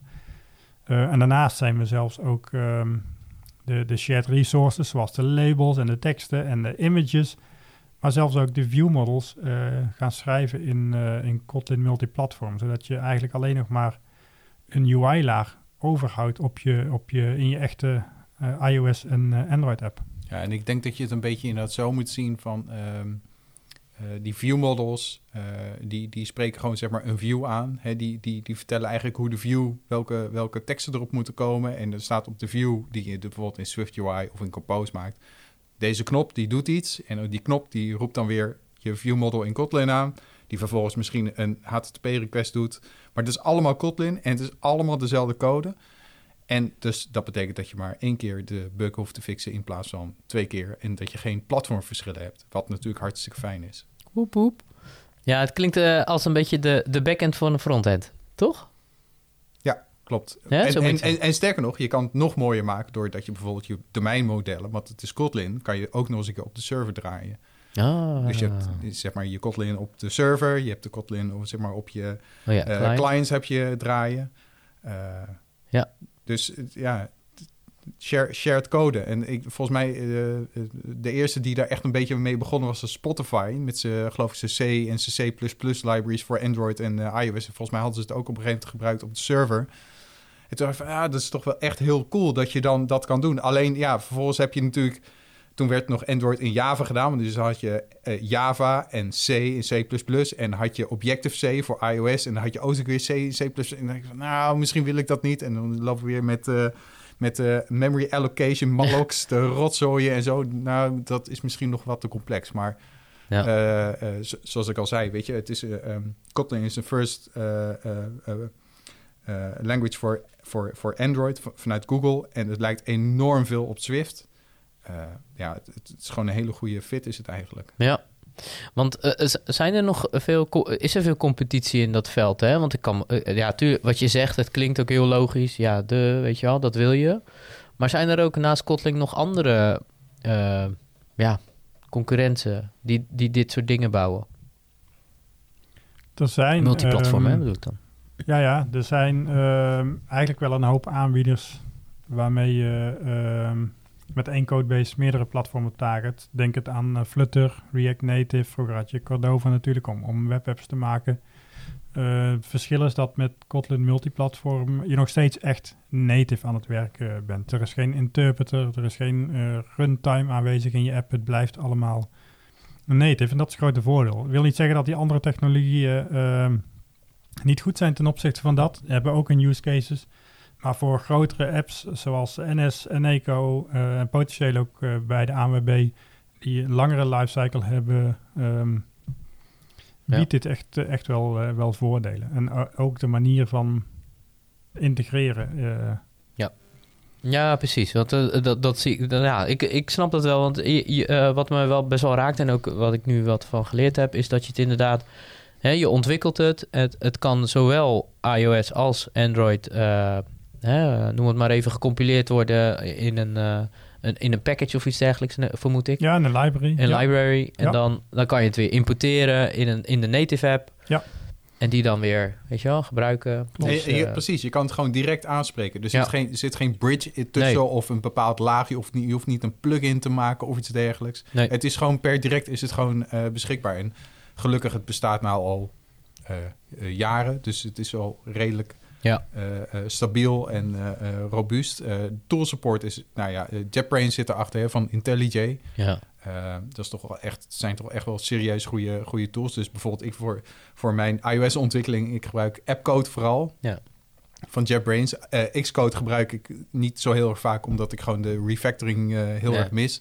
En ik vind het ook heel fijn dat ik gewoon dezelfde toolsuite heb over eh, mijn back-end ontwikkeling en, en front-end ontwikkeling. En dezelfde shortcuts en eh, ja. dat soort dingen allemaal. Ja, tuurlijk. De, eh, weer, weer gaat het over developer experience. En dat, dat, dat is denk ik waar JetBrains heel goed in is. Die, die, die houdt daar echt wel rekening mee. Klopt, klopt. Ja, en ehm, ja, een beetje... Een, misschien wel een, eh, een moeilijke vraag voor jullie te, om te beantwoorden. Maar zijn er ook nadelen die jullie al gezien hebben... Waar, waarvan jullie onze luisteraars toch een beetje op de hoogte willen houden? En misschien Ik- ook wel een tip om daarmee om te gaan. Ik zal, ik zal als eerste het, het, eh, het eerste grote nadeel wat ik eh, ondervond met Kotlin multiplatform, maar gelukkig hebben ze dat wel grotendeels gefixt. Die compiler was zo ontzettend traag. Oh, oké. Ik was al gewend dat de Swift compiler af en toe traag is. Hè, want eh, bijvoorbeeld eh, mm, voor de, eh, voor de eh, grotere apps ben je toch wel minuten aan het, aan, aan het compilen af en toe. Nou, dat was in het begin met eh, Kotlin multiplatform was dat toch wel bijzonder pittig. Ik denk ook voor, voor iOS-ontwikkelaars om toch wel even een andere taal erbij te nemen, waar ze niet hè, wat nieuw voor ze is. Dat, dat is toch wel eng en lastig. Dus het is wel iets anders. Dus je moet er wel voor open kunnen staan. Dat was toch ook wel heel erg, eh, heel erg eh, eh, vervelend. En ik denk ook dat als je niet... wij onze ervaring was dat we... het, het werkte heel goed om met Kotlin multiplatform te werken... op het moment dat we gebruik maakten van trunk-based development en een monorepo. Mhm. En dat wil zeggen dat we hadden een bug. Die fix je dan. En vervolgens zie je gelijk welke app kapot gaat. Omdat die daar nog geen, eh, omdat je een bepaalde interface verandert. Dus je wil heel snel wil je, zeg maar, feedback hebben. Eh, je, je zou denk ik niet echt eh, goed rond kunnen komen door een soort library te maken die dan ergens te publiceren en die dan één keer in de week binnen te trekken of zo. Dat zou ik niet doen. Ik zou gewoon lekker voor een monorepo gaan, trunk-based development. en zorgen dat je heel snel feedback krijgt erin.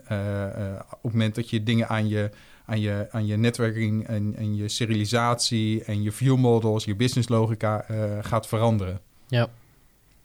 En, en ik hoor, je zegt nu trunk-based development. Ehm, ik heb daar ooit een keer een andere aflevering ook, eh, of was nou met een andere developer, had ik daar een hele, best wel lange discussie over.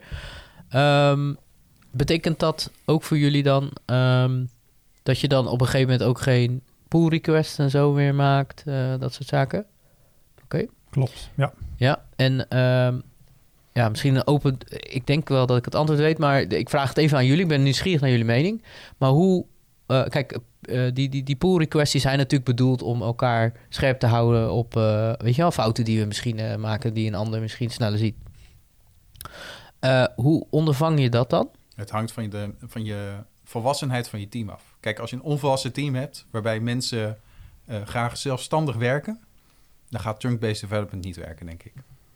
En, Nee. da- en, dat bedoel ik van, ehm, eh, je maakt wat en je dient zeg maar hetgene wat je eh, hebt gemaakt. Of het is zo simpel en iedereen, eh, je denkt dat iedereen het wel begrijpt, maar je dient gewoon zeg maar, wat je hebt gemaakt te delen met de rest van het team of een aantal andere mensen om gewoon dingen te laten zien wat je hebt gemaakt. En vaak is het zo met een pull request. ehm, je, ja, weet je, de, het, het branchen en eh, vervolgens weer mergen met dingen. En dat duurt, dat duurt gewoon te lang. Ik wil gewoon zelf persoonlijk heel graag snel feedback hebben. Net zoals mijn compiler me direct vertelt als iets kapot is. Of als iets niet goed is, vraag ik ook de mening van anderen. Van, is dit goed, ja of nee? En dan eh, op het moment dat je dan trunk-based development doet... je, gelijk eh merge je zeg maar, je changes op, op develop bijvoorbeeld... en je automatische testen gaan af... en je weet gelijk of het zeg maar, bijna productiewaardig is of niet... in plaats van dat je een, een langere lifecycle eraan vast hebt zitten met een, eh, met een branch. En wat het voordeel is, als je multiplatform werkt op deze manier. Kijk, als je, als je alles native doet en je houdt iOS en Android gescheiden. ehm, dan, dan heb je eigenlijk twee apps waaraan je ontwikkelt. Eh, bouw je een, een, een common laag die beide apps gebruiken, dan krijg je ook automatisch die interactie tussen iOS en Android. Dus de integratie wordt daarmee vanzelf ook beter. En, en, ehm, dus ik denk dat het ook positief effect heeft op, eh, op beide apps, op functionaliteit die je oplevert. Omdat je toch met, met meer eh, met elkaar moet communiceren. Ja. Moet sowieso, maar dit, dit, eh, dit is een gevolg daarvan. Ja, klopt. Ja, want eh, ik, ik, eh, ik mis inderdaad de tijden dat... eh, ik weet nog wel dat mijn eerste baan was... eh, hè, toen werkte ik bij een bedrijf, dat heette Music From NL. En die, die- bouwde in PHP een, een, een concertagenda, weet je wel. Ja. Nou, ik miste inderdaad de tijden van dat je dus in, in eh, gewoon, ja, ja, inderdaad, gewoon echt op die files, eh, op de server zeg maar, waar al die PHP-scripts stonden, dat je daar gewoon je, hè, dus de dingen in, eh, in, in, in ging coderen. En eh, dan drukte hij op save en dan was alles eh, goed. Ja, Of fout. Of niet. maar eh, ja, weet je, het, kijk, ik, ik, ik, ik, ik, ik mis die tijd ook wel. Maar aan de andere kant zie ik ook wel weer... ehm, ja, precies wat jij zegt net. Van, eh, als je toch te maken hebt met mensen die wat minder ervaren zijn... of hè, die zitten nog in de leercurve van, om een goede developer te worden... Dan, dan, eh, dan kan ik me wel voorstellen dat mensen dan eh pull requests introduceren. Weet je wel, gewoon om even die... Ja, hoe noem je dat? Ehm, Een, een, een barrière toevoegen. nou, barrière is het niet misschien meteen, maar ik, ik, ik zie het niet meteen als barrière, maar het is meer een, ehm, een soort van incheckmoment met degene die, die jou iets zou kunnen leren. Ja. Ja, het is... Ja, je zou ook kunnen pairen natuurlijk, hè, als alternatief Ja, van pull request. daar ben ik- om- daar om ben ik ook echt, wel eh, van, eh, ja. samen te doen. Ja, dat vind ik ook eigenlijk stiekem, ja, dat is gewoon veel beter Ja. natuurlijk. Dat je gewoon samen aan iets werkt. weet je wel, per programma. De afgelopen tijd, want bij de AWB hebben we ook pull request. Maar onze pull requests gaan tegenwoordig echt heel snel omdat we van, van tevoren even elkaar slacken, hè, want we werken remote. Ja, precies. precies. En we lopen gewoon, we hebben gewoon een gesprek over de, de dingen die we hebben aangepast. We laten elkaars code laten we gewoon zien en je weet gewoon het verhaal eromheen. En dat is veel beter dan dat je naar een pull request kijkt en je ziet een snippet van code en je denkt van waarom is dit gedaan? Wat is het verhaal eromheen? Waarom heeft iemand een, een bepaalde naamgeving gebruikt of een bepaalde constructie gebruikt? Je, je kan het er dan even over hebben en je leert van elkaar. En je komt tot nieuwe inzichten. En soms uh, denk je van, nou, wat is dit voor een rare ding? Maar iemand zegt, ja, ik kwam er gewoon niet uit. Of ik weet gewoon geen betere oplossing. En misschien weet ik dat zelf ook niet. Ja, dan kan het zijn dat het gewoon zo, zo blijft. Weet je, dat is veel waardevoller dan dat je een, een, een pull request aanmaakt en dat je naar kleine stukjes code gaat lopen kijken, waar je gewoon heel veel dingen mist. Dus de, de menselijke interactie is super belangrijk. Ja, Nee, mee eens. Helemaal mee eens. En sterker nog, inderdaad, om, om dit systeem te cheaten, zeg maar. Want zo zie dat, dat doe ik dus ook. is inderdaad uh, gelijk contact maken met diegene die die pull request moet reviewen. Dus met andere woorden, misschien daarvoor al. Van hey, ik ga zo meteen een pull request maken, maar zullen we even snel door die code heen kijken, en dan, zodat jij even die pull request uh, snel kan accepteren. Ja, klopt. ja, dat werkt gewoon veel beter, weet je. Nee, uh, maar even voor alle duidelijkheid. Uh, ja, ik ben ook inderdaad ja, ik zeg ook niet meteen dat ik een schurft-eco heb, uh, heb aan, een pull request. Maar inderdaad, ik ben er niet geen fan van of zo, weet je wel. Ik vind het ook inderdaad... Het, het, het stagneert gewoon heel veel eh, productiviteit. Want op een gegeven moment kom je erachter... Hè, dat de ander dus inderdaad bezig is met iets anders... En, en niet meer focus houdt. En dan krijg je ook... Worst case is dat je dus een hele slechte review krijgt. dus dat iemand zomaar zegt van... Oh, het zal wel, ik moet toch aan iets anders aan de gang. Ja, dus uh, het, het kan misschien nog wel meer kapot maken dan, dan je lief is. Maar ja, goed. kijk, weet je, wat dat betreft... ik vind het ook wel mooi dat, dat snelle feedback loops proberen te creëren... om dat stand te houden, weet je. En daar misschien meer over te hebben... dan dat of het wel of niet met een pull request moet of zo. Ja, precies. Dat, dat is het. Snelle feedback. Ja. En gewoon leren, hè. Want precies. je, je bouwt een product... Uh, en, en, je bent er om te leren. Leren over de code, leren over de business, leren over je klanten allemaal. Om gewoon het beste product uiteindelijk te maken. Ja, absoluut. Nee, dat is het zeker. Ik heb uh, hier ook nog een vraag rondom uh, Kotlin multiplatform en native development. Um, maar misschien hebben we daar ook wel wat ja, al over gehad. Bernard die kwam hier met een vraag. ja, hoe het proces verloopt hè, van, van met die multiplatform coderen. Ehm, en het, eigenlijk zijn achterliggende vraag is: maak je wel optimaal gebruik van de, van de hardware mogelijkheden en de GUI mogelijkheden van alle platforms? Goeie vraag, goede vraag. Ja, doordat je met Kotlin multiplatform werkt, werk je eigenlijk nog steeds native. Dus je hebt de volledige beschikking tot de mogelijkheden van je native uh, device. Uh, daar zit geen abstractie op. Um, dus die kun je altijd aanspreken. En, en ook alle nieuwste versies van de OS'en. Um, daar is geen beperking op. Nee, want uh, ik neem aan dat dan Kotlin intern dan ook allerlei libraries importeert om hè, iOS en Android functionaliteit te bieden. Die bieden een, een zogezegd een interface aan in je common laag tot, tot de native functionaliteit. Ja. biedt die laag niet datgene wat je nodig hebt, dan kun je met zogezegde actual en expect functies in Kotlin je echte native code uh, aanroepen in je target platform. Oké. Als het ware. Cool. Dus je hebt altijd, uh, je schrijft geen bridge, maar je, je, je roept echt de native code aan. Dus ik definieer een functie in Kotlin multiplatform, genereer een uh, ID. Die kan, die kan ik op Android implementeren en op iOS. Maar vanuit de native code um, kun je die dan aanroepen. En afhankelijk op welk platform je draait, heb je de een of de andere. Nice. En uh, unit testing uh, rondom uh, Kotlin multiplatform, moet je daar nog ergens rekening mee houden? Of is dat ook allemaal, weet je wel, één hetzelfde, zeg maar, voor multiplatform? Ja, dat, dat is vergelijkbaar. Um, je, je, kunt je unit testen schrijven in je common laag, dat moet je ook doen. En die draai je dan op een target platform, bijvoorbeeld Android of iOS of beide. Dat is een keuze. Het voordeel oh. is, met de unit testen test je dus je gezamenlijke code, zowel op Android als iOS. Ja, ja, ja, oké. Oké.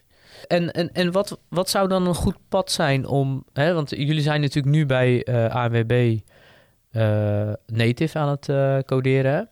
Dus wat zou nou een... Wat, wat zou jullie pad zijn om richting Kotlin te gaan? Er zijn verschillende strategieën waarmee je daar tot komen. Dat is op zich wel mooi, want um, ik heb in het verleden wel eens gezien, er zijn dan twee native apps gebouwd en, en dan wordt er een beslissing gemaakt. Nee, we willen toch een cross-platform technologie. Bijvoorbeeld React Native, ik noem maar een voorbeeld. Omdat die twee niet compatible zijn, ben je eigenlijk je complete app opnieuw aan het schrijven in een nieuwe technologie. Bij Kotlin Multiplatform heb je de mogelijkheid om zelfs in je bestaande app uh, bepaalde delen gefaseerd over te brengen naar een, een common library, zodat die meteen gebruikt kunnen worden in bijvoorbeeld iOS. Stel je hebt twee uh, bestaande native apps. Uh, in Android zet ik de domeinobject of mijn domeinlogica om naar mijn common code. En dat is eigenlijk een kopie van de Android code naar de shared code, omdat het allebei Kotlin is. En je hebt meteen een compiled framework voor iOS. Wellicht ah, moet je wat platform-specifieke dingen refactoren. Maar daarmee kun je dus een bestaande uh, app, afhankelijk van wat je wel en niet wil delen, geschikt maken voor Kotlin multiplatform. Andere strategie is, we maken, als je een nieuwe app begint, kun je kiezen, we maken Android en iOS tegelijk met de gezamenlijke laag. Of we beginnen eerst met Android met de gezamenlijke laag en we sluiten iOS aan. Dus je bent daar heel flexibel in om daar een keuze in te maken. Ja, ja, dus je doet het eigenlijk gefaseerd. Dat is een beetje wat ik... Uh... Het kan gefaseerd. Uh, als je een nieuwe app maakt, dan, dan doe je het in één keer. Uh, ja, natuurlijk. Maar een bestaande app kun je inderdaad gefaseerd overbrengen. Ja, ja dat, dat was eigenlijk meer de vraag. Hè? Ja. Want stel je voor dat je native inderdaad veel al gebouwd hebt en je wil... Ja, dan kun je het meeste hergebruiken over beide platformen. Ja, dat is natuurlijk wel een, een krachtig framework dan. Want dan kan je inderdaad al het bestaande gewoon laten staan... en dan alle dingen die je hebt uitgerefactored weer klopt, toepassen in iets anders. Ja. Oké, nou dat, uh, dat klinkt als een hele goede aanpak, lijkt mij.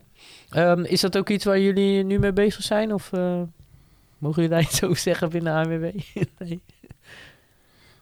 Ja, Kotlin Multiplatform zijn we nog niet concreet mee bezig binnen ANWB. Oh, okay, uh, ja. Wel ja. aan het kijken, hoe kunnen we het toepassen, maar dat, dat ja. is nog te vroeg om daar wat... ja, oké. Oké, okay. nou goed.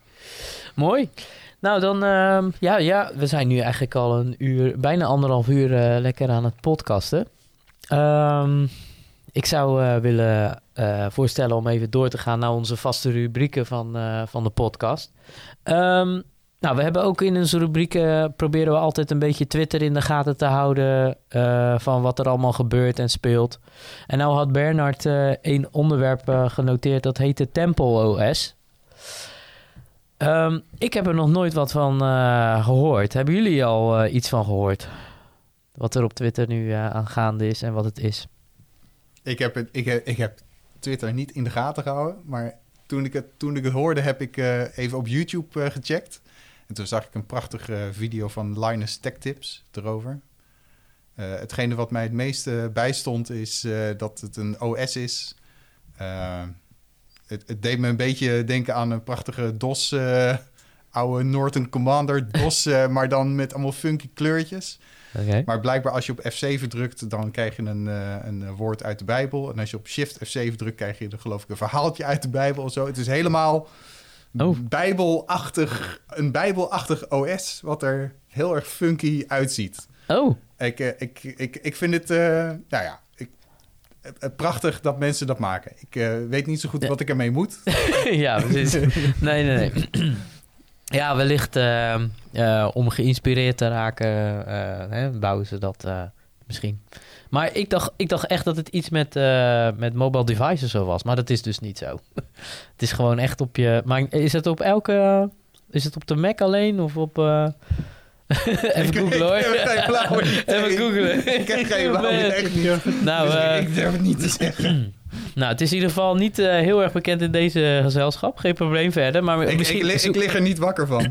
ja. ik denk, wat voor dooi, wat gaaf. Ja, misschien wel een leuke oproep uh, aan de luisteraars. chat even mee in ons Slack-kanaal op codeklets.nl. mocht je er iets meer van weten, laat het ons vooral even weten.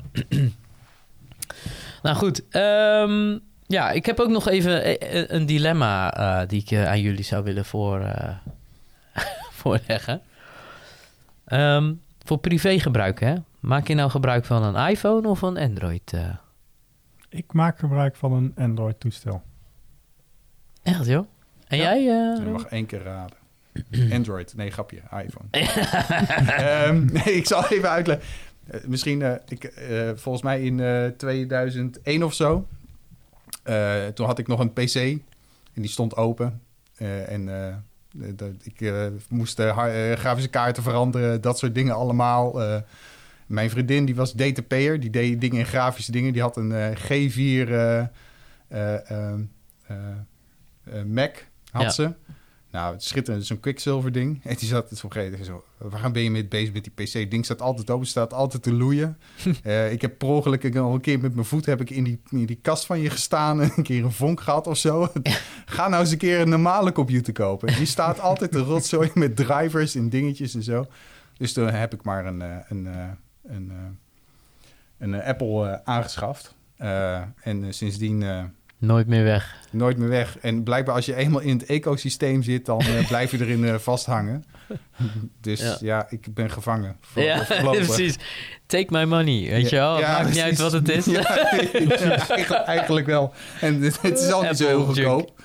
Dus eh, nou ja. En, en we hebben laatst ook weer eh, behoorlijk wat geld uitgegeven aan, aan die nieuwe eh, eh, M1 eh, Oh Pro. En Jamie heeft een Max besteld. Hij moet nog binnenkomen. Hij moet nog binnenkomen. Oh, nice. Een weekje wachten nog. Ja, daarom. Oh, shit. Wat ga je ermee doen, jongen? Developen. Ja, oké. Oeh, dat snap ik. ja. Maar, maar, zon- maar zonder stroom, denk ik. Of Tenminste, Ja. niet zonder stroom, maar zonder, zonder de power rig. Dan hoop ik, eh, deze laptop gaat ongeveer een uur mee op de batterij. eh, Oh ja. Ja. dan zal dat hopelijk beter zijn. Zo. Maar in ons vak is hoe sneller, hoe beter. Ja. En, en waarom jij dan de Android-phone? Ja, ik, ik ontwikkel Android-apps, dus ik Oh, moet Oké, wel een ja, ja, ja, Android-telefoon. Oké, ja. Dus jij bent echt Android-fanboy. Het zou en op jij de bent een emulator kunnen natuurlijk, maar. Hmm. Ja, ja, het is toch niet echt, hè? dat is niet echt, nee. Nee, ik snap het, ja. Trouwens, ik heb twee jaar geleden heb ik weer een PC aangeschaft. Wat nu mijn eh, main workstation is.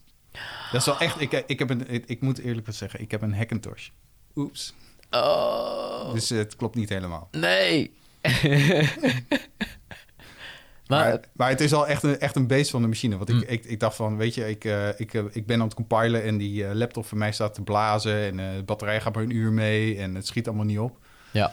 Dus ik heb nu een, een, een AMD Ryzen Threadripper. 24 cores, 128 gigabyte aan geheugen en 3 eh, terabyte aan SSD's erin. En een hele dikke videokaart. Oeh. Oh, het is zo fijn om mee te werken. Ja, ik snap het. Eh, Game je ook eh, ermee of niet? Eh, ja, sinds, sinds, sindsdien wel. Ja, nou, wel, ik, wat, ik, wat, wat ik dat doe, dat vind ik wel, zeg maar, ik, heb een, een dochtertje van vier. Daar spelen we Zelda. Tenminste, ik speel Zelda. Oké. En ik heb ook een Wii U, die staat ergens boven op zolder. Mhm. Maar nu speel ik dus... ik had geen zin om dat spel nog een keer te kopen... en zeg maar het aan te sluiten en zo. Maar nu speel ik dus via de Steam Link op mijn Apple TV... op mijn tv met een PlayStation 4 controller. En dan wordt, zeg maar, eh Zelda wordt gestreamd... vanuit mijn eh, eh, workstation... Ja? in 4K via een semu-emulator op Windows 11.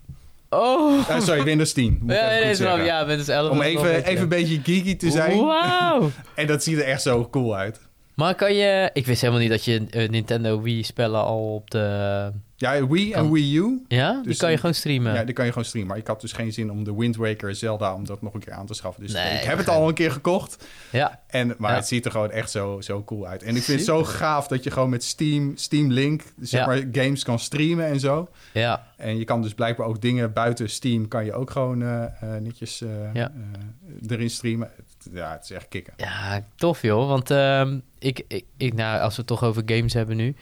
Ehm, ik was, eh, even kijken, drie weken terug ben ik op vakantie met, me, met, met mijn gezin gegaan. En ik zat lekker op de bank en ik dacht, eh, eh, joh, ik ga eens een keer Homeworld spelen. Dat is een hele oude game. Een, een, een, een space, eh, weet je wel, RPG. Mhm. Of niet RPG, hoe mij nou, eh, strategie game. En, ehm, en die speelde ik vroeger.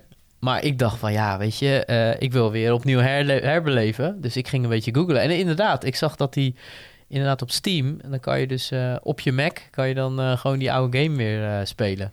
Ja, het is echt geweldig dat dat allemaal nog kan. maar ja, ik, ik, echt Steam...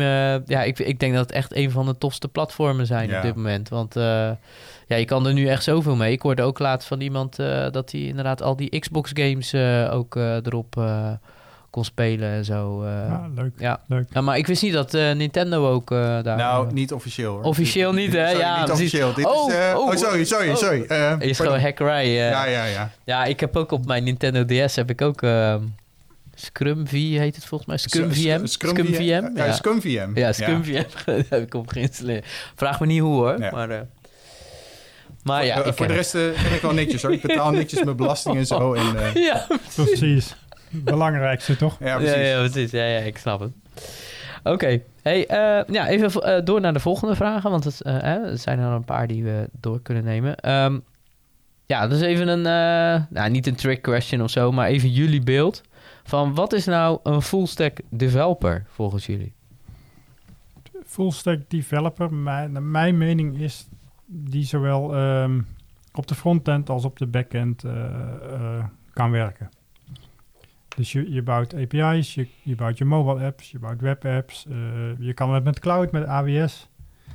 Ehm, natuurlijk kom je daar niet meteen. Maar dat, dat zou mijn definitie zijn, denk ik, van de full stack developer. Dus de hele stack van, van voor tot achter. En, en z- eh, zou dat dan ook iets eh, moeten zijn dat je, dat je echt van alles veel moet weten of een heel klein beetje? Hè, dus de- dat generalist versus specialist zijn in een bepaald... eh, Ik denk dat je vooral een generalist moet zijn. Hm. Dat, natuurlijk, je hebt bepaalde specialiteiten, eh, eh, eh, heb je. Maar als je generalist bent en je weet ongeveer zeg maar, waar, je het, waar je het moet zoeken... eh, en, en, die, en die wijzigingen snel aan, aan, aan kan brengen... Dat, dat is al echt heel, dat is super waardevol. Hè, want je hebt minder, minder overdracht tussen teams, minder spraakverwarring af en toe. mhm. Ja. ik denk dat het conceptuele plaatje ook belangrijk is. Als je concepten kent, dan heb je ook, denk ik, de, de mogelijkheid om, om snel dingen op te pakken. Ehm, en dat is denk ik belangrijk eh, bij een full stack developer. Eh, dus jullie hebben ook in jullie team full stack developers of eh, specialisten? Allemaal full stack developers. Oké, dus die kunnen ook echt dus in de backend bouwen, dus Ja. in Spring. Klopt, ja. In Spring, AWS, Ktor met Kotlin, Hm. eh, native apps. We hebben ook Flutter apps gebouwd bij de NS, dus, dus de, hele, de hele stack. Oké. Is er ook trouwens ook een specifieke reden waarom jullie voor Spring Boot hebben gekozen? Niet iets anders, weet je wel? Spring klinkt ook zo old school. Bij de ANWB was dat omdat dat een redelijke standaard was. Oh We ja, wilden daarin blijven. Ja, precies, precies. Oké, duidelijk, ja. Ja, je hoort het ook nog steeds heel veel, hè? Spring Boot, niet daarvan, eh, maar... Oké. Eh, een andere vraag die ik aan eh, jullie beiden zou willen stellen is... ehm, welke loopbaan en werktips je aan je jongeren zelf zou willen geven? En misschien is het wel leuk om even bij Robert eh, eerst te beginnen. Oeh, volgens mij de, de belangrijkste tip die ik ooit heb gehad... was van een, een, een persoon die nu met pensioen is. Volgens mij een Kishin, die kent hij ook al. Dat is Wilco Koren. Wilco Korn, ja. Die zei ooit tegen mij... als je ergens langer dan vijf minuten over doet... of vijf minuten over nadenkt... ga je het aan iemand vragen. Oh, ja, ja, ja. Ik vind het echt zo'n mooie regel. Ik dacht, en sindsdien pas ik hem gewoon toe. Ja, Daarom vind ik het ook super belangrijk dat, dat je gewoon zeg maar dingen laat zien. En feedback krijgt en vraagt en leert. Dat is allemaal dankzij de wel edele heer Wilco Korn. ja. Dus Ja. dat zou ik eigenlijk aan mezelf, aan mezelf eh, echt... eh, Want eh, vroeger zat ik echt... De, ik zie sommige ontwikkelaars zie ik maanden ergens op zitten. Weet je, en dan, en dan wordt er wat gerefactored en er wordt er wat weggegooid en er wordt er iets compleet opnieuw gemaakt of iets dergelijks. En dan denk ik, maar wat, wat heb je nou gedaan?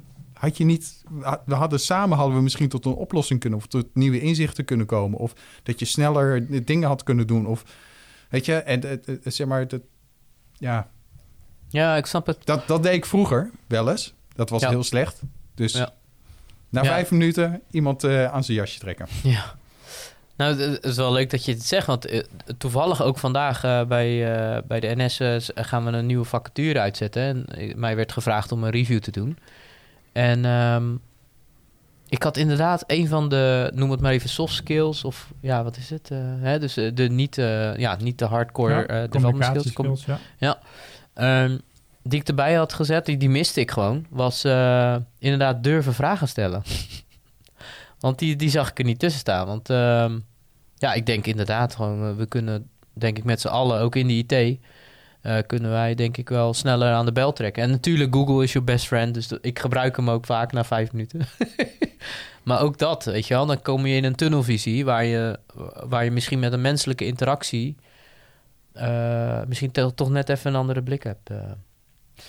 Ik wilde trouwens bijna net rest in peace Wilco zeggen, maar hij is gelukkig nog niet. nee, hij is. ja. Op LinkedIn is hij nog gewoon eh, vol eh, Hij is bezig. eh, goed, goed actief hoor. Ja, met, z'n- precies. met zijn 42 verhalen. Ja. Ongeveer wat er allemaal gebeurd is. ja, ja, precies. Ik hoop dat we lang van hem mogen genieten zo. Zeker. Eh, ja, Jamie, heb jij nog een, eh, een tip aan je jongeren zelf? Ja, zeker, zeker. Ehm, we weten natuurlijk allemaal in de IT dat, dat dingen heel snel veranderen. Eh, elk jaar hebben we nieuwe technologieën, nieuwe technieken, nieuwe manieren van werken. Ehm, je moet dat allemaal bijhouden. Ik denk dat het belangrijk is ehm, om in een systeem te investeren, zodat je die kennis ook kan borgen en altijd oproep, oproepbaar is. Dat, dat zou mijn tip zijn om Ja. eh, om daarin te investeren. Dat je een systeem hebt waarmee je je, je kennis die je vergaart op een eh, effectieve manier kan borgen en kan aanroepen. Ja, die, eh, die, die, die vergeet ik ook wel eens inderdaad. Dan denk ik ineens, eh, weet je, vooral na een paar jaar of zo, dan denk je weer bij jezelf, oh ik had hier een GitHub projectje voor moeten maken of zo. En het vereist wat discipline. Ja. En, maar als je daarin traint en, je doet daar de juiste dingen in, dan, dan kom je een heel eind, denk ik. Ja, nou, nou noemde ik GitHub hè, eh, als een voorbeeldje, maar heb je misschien andere manieren waarop je... Ja, GitHub eh, gebruik ik inderdaad ook. Maar wat ik tegenwoordig gebruik is, eh, is eh, Obsidian. En dat is eigenlijk een, een, een, een tool ehm, waarmee je al je kennis die je vergaart vast kan leggen op, op, je, op je lokale machine. En, en ook links kan leggen tussen documenten en, en dingen kan taggen. Dat is eigenlijk een, een soort knowledge base die je Hm. aanlegt. Klinkt als SharePoint. Het is, Sorry. ja, het verschil is dat je hier wel dingen terug kan vinden. SharePoint Goed zo. niet. Hoezo, hoe bedoel je? Je hebt toch gewoon een zoekfunctie in SharePoint?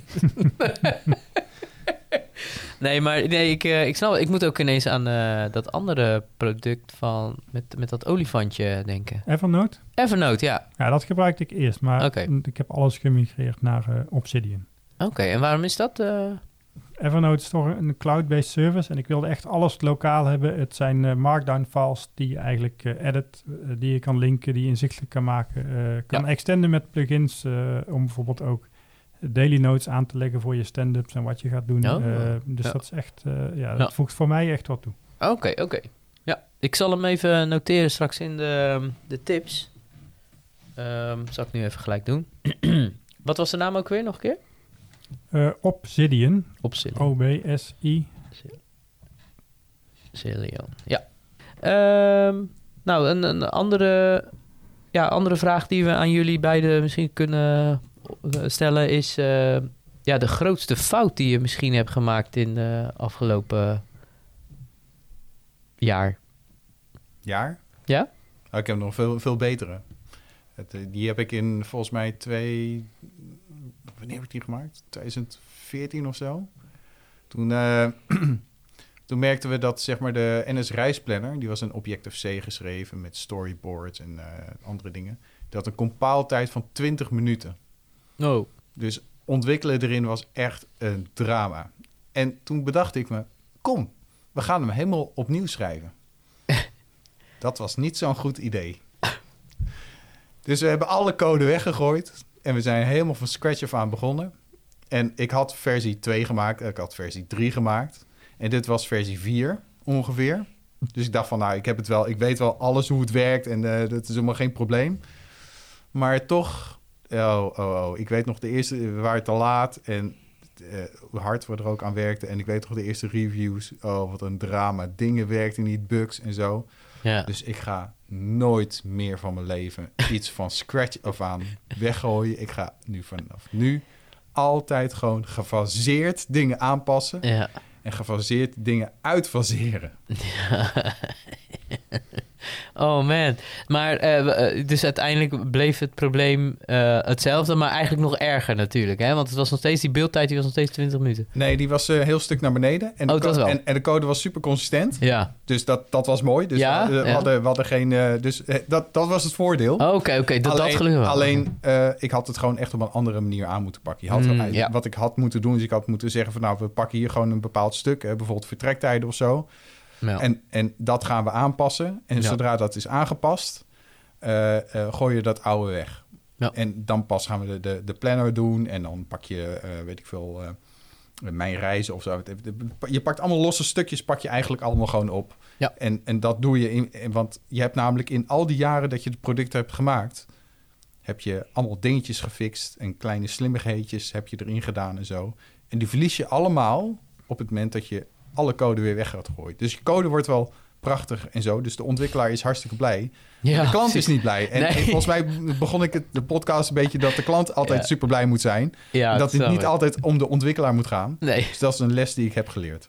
Oké, nou, dat een hele, hele wijze les. eh, absoluut. Ik moet er ook ineens denken aan... eh, eh, misschien weet jij dat ook nog wel, Robert. Eh, in de Xebia-tijd zijn we een keer naar een... was zo'n Xebia-interne conferentie hadden we dan. Uh, Xebicon heette het, geloof ik. Xebicon, ja. En eh, toen hadden we Dan North op visite. En die had ook een hele mooie talk. Dat ging over eh, refactoring inderdaad. Van, dan had hij een metafoor, een boom, weet je wel. Die dan inderdaad... Je kon gewoon heel uh, hardop gewoon opnieuw, weet je wel, een nieuwe boom planten. Maar je kan ook kijken hoe je de huidige boom kan snoeien en kan knippen. Juist. Zodat het inderdaad hè, naar je smaak gaat. maar goed... Um, uh, ja, dat is uh, inderdaad een wijze les. Ja, goed, uh, fijn dat je me verdeelt. Jamie, heb jij misschien een, een interessante fout die je wilt delen? En vooral je learning natuurlijk daarvan. Ja, die heb ik, die heb ik wel. Dus meer, meer... Maar daar vertel ik niks over. Nee, nee mag, mogen jullie niet weten. Nee, nee naast natuurlijk werkzaamheden voor grote klanten... doe ik ook werkzaamheden voor wat kleinere klanten. En sommige doe ik op fixed price basis. mm -hmm. In het verleden heb ik wel eens de fout gemaakt... om een fixed price offerte af te geven voor uh, werkzaamheden met eigenlijk te veel onbekenden. En, en ik, ben daar veel, veel tijd mee kwijt, uh, kwijt geweest.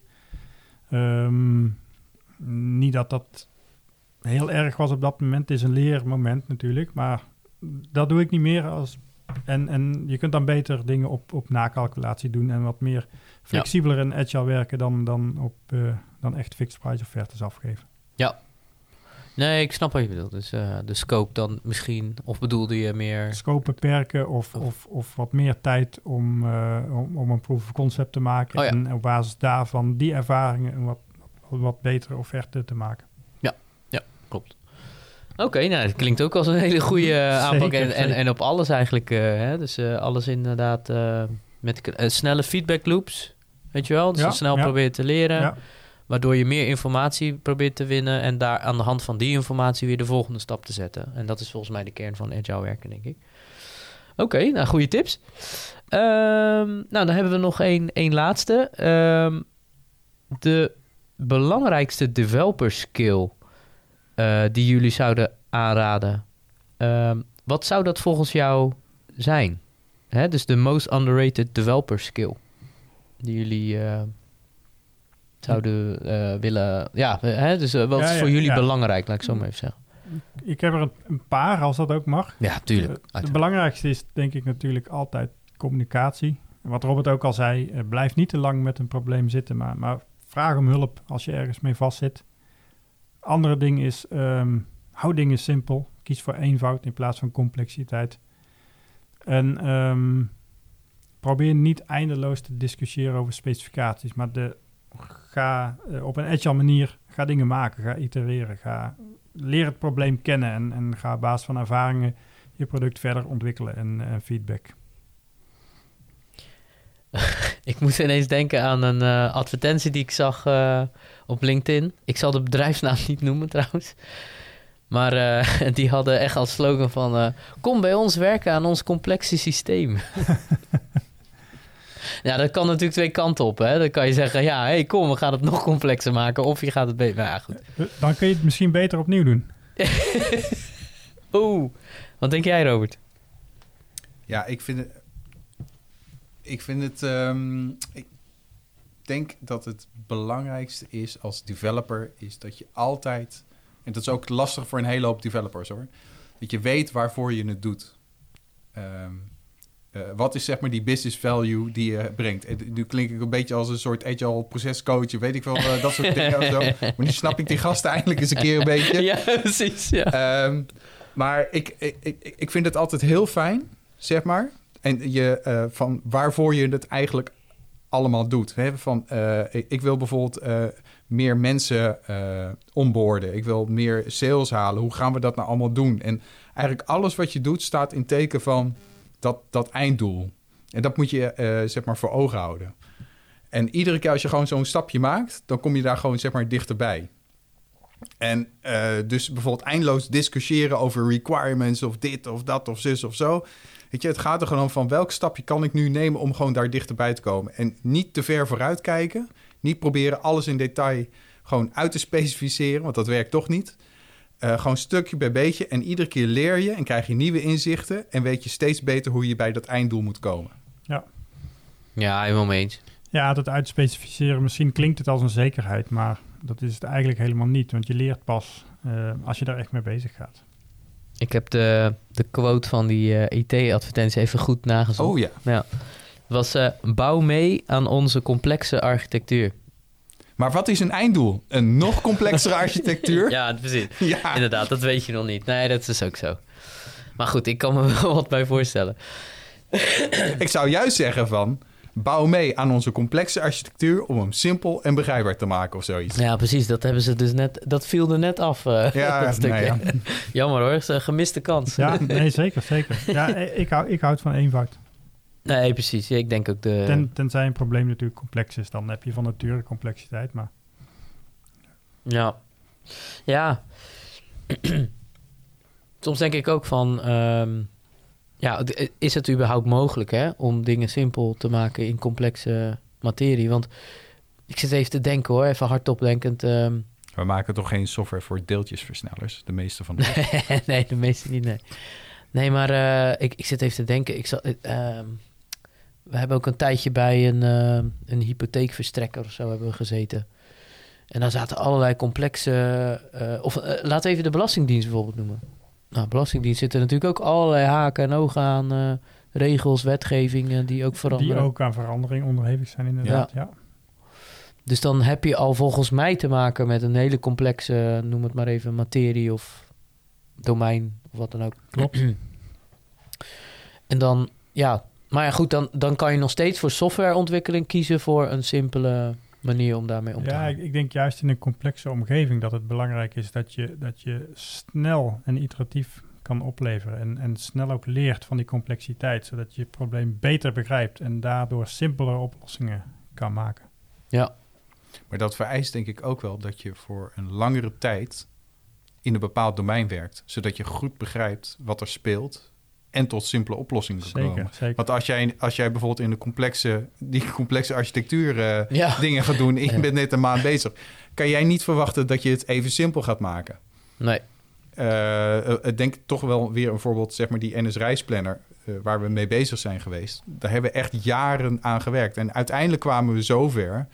dat we best wel complexe vraagstukken simpel konden oplossen. Door gebruik van microservices en bepaalde dingen aan elkaar te koppelen en zo. Ja. Maar gewoon puur omdat we uh, parate dom domeinkennis hebben over en ook nog eens een keer over allemaal verschillende uh, afdelingen heen. Of, uh, um, ja. En dat is super waardevol. Dus ik denk ook dat helaas is onze economie zo, geloof ik, of zeker bij developers zo, dat mensen niet langer dan twee jaar of drie jaar of vier of vijf vijf is erg lang, geloof ik, tegenwoordig. Ja. Ergens blijven zitten. Maar ik, ik zie toch vaak dat de wat oudere werknemers uh, heel veel domeinkennis hebben en vaak ook wel tot simpele oplossingen kunnen komen, omdat ze gewoon die kennis paraat hebben. En ik denk voor bedrijven, als ze een goed product willen hebben en dat voor langere perioden in willen zetten, zullen ze moeten investeren in hun mensen die daar werken en zo ja. goed betalen ook netjes. Ja, Zodat we niet iedere keer, iedere twee jaar wegvluchten naar uh,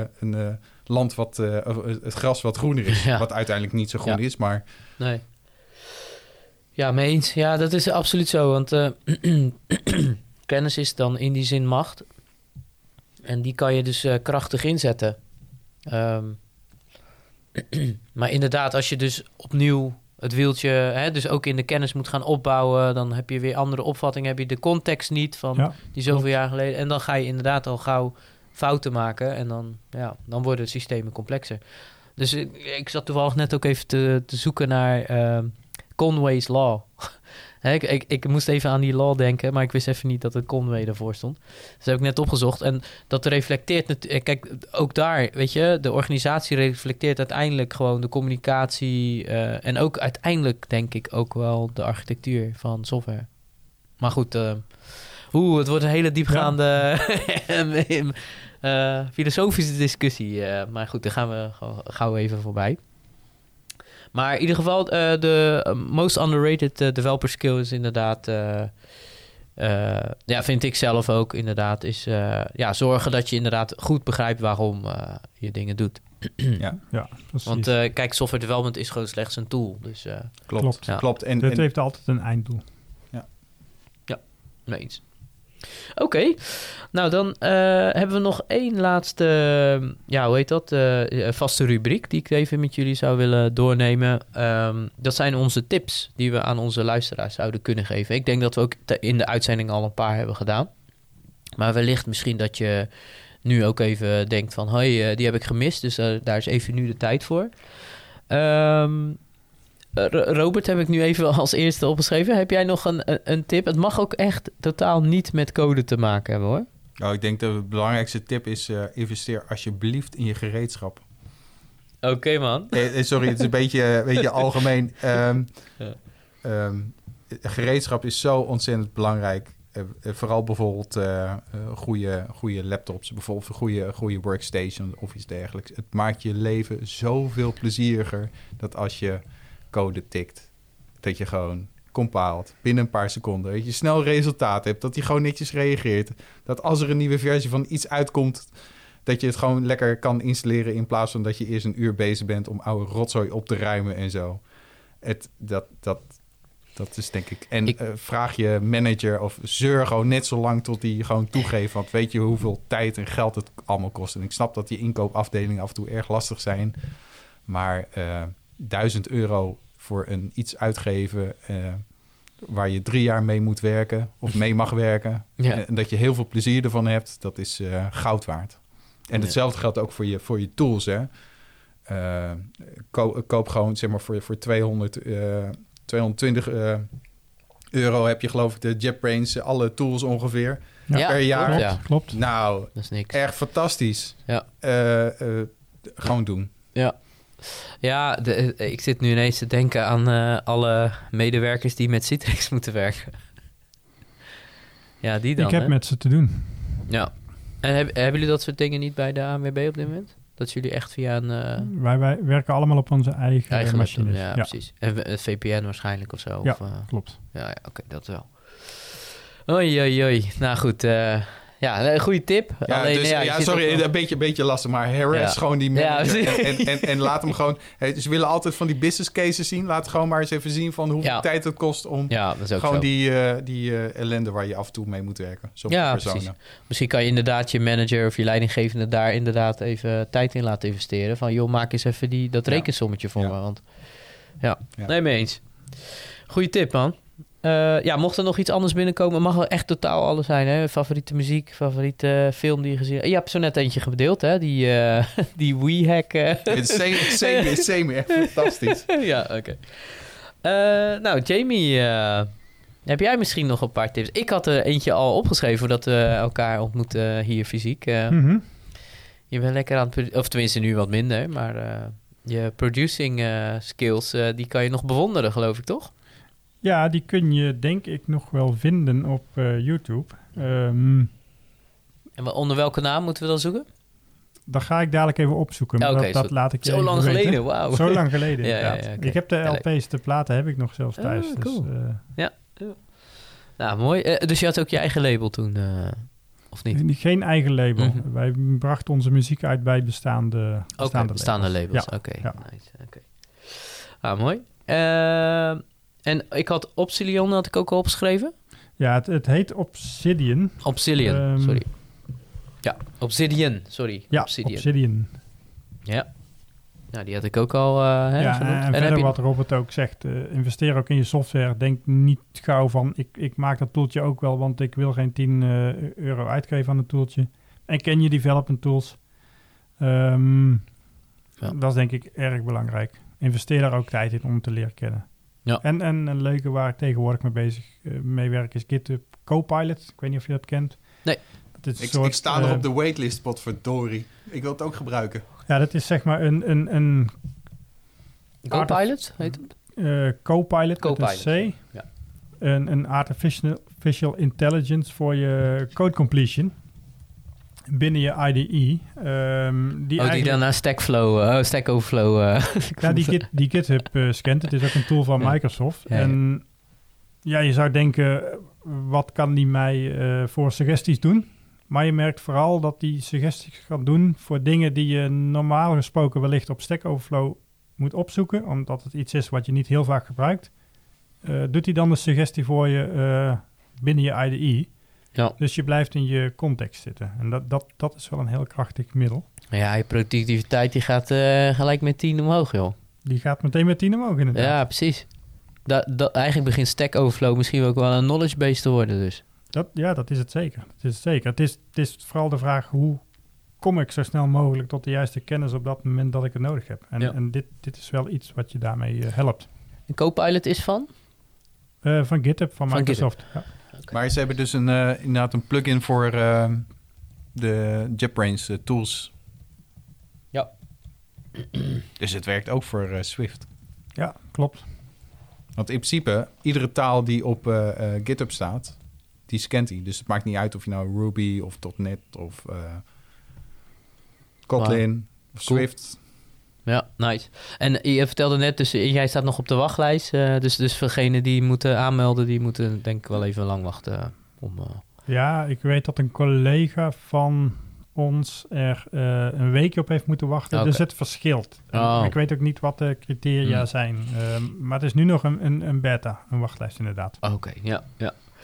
Nou goed joh, eh, ja, eh, leuke tip, dankjewel. Ja, ik had hem inderdaad wel eens voorbij zien komen, maar ik dacht altijd van joh, dat is één grote grap of zo, weet je wel. Maar het is echt serieus dus blijkt. Zeker, zeker.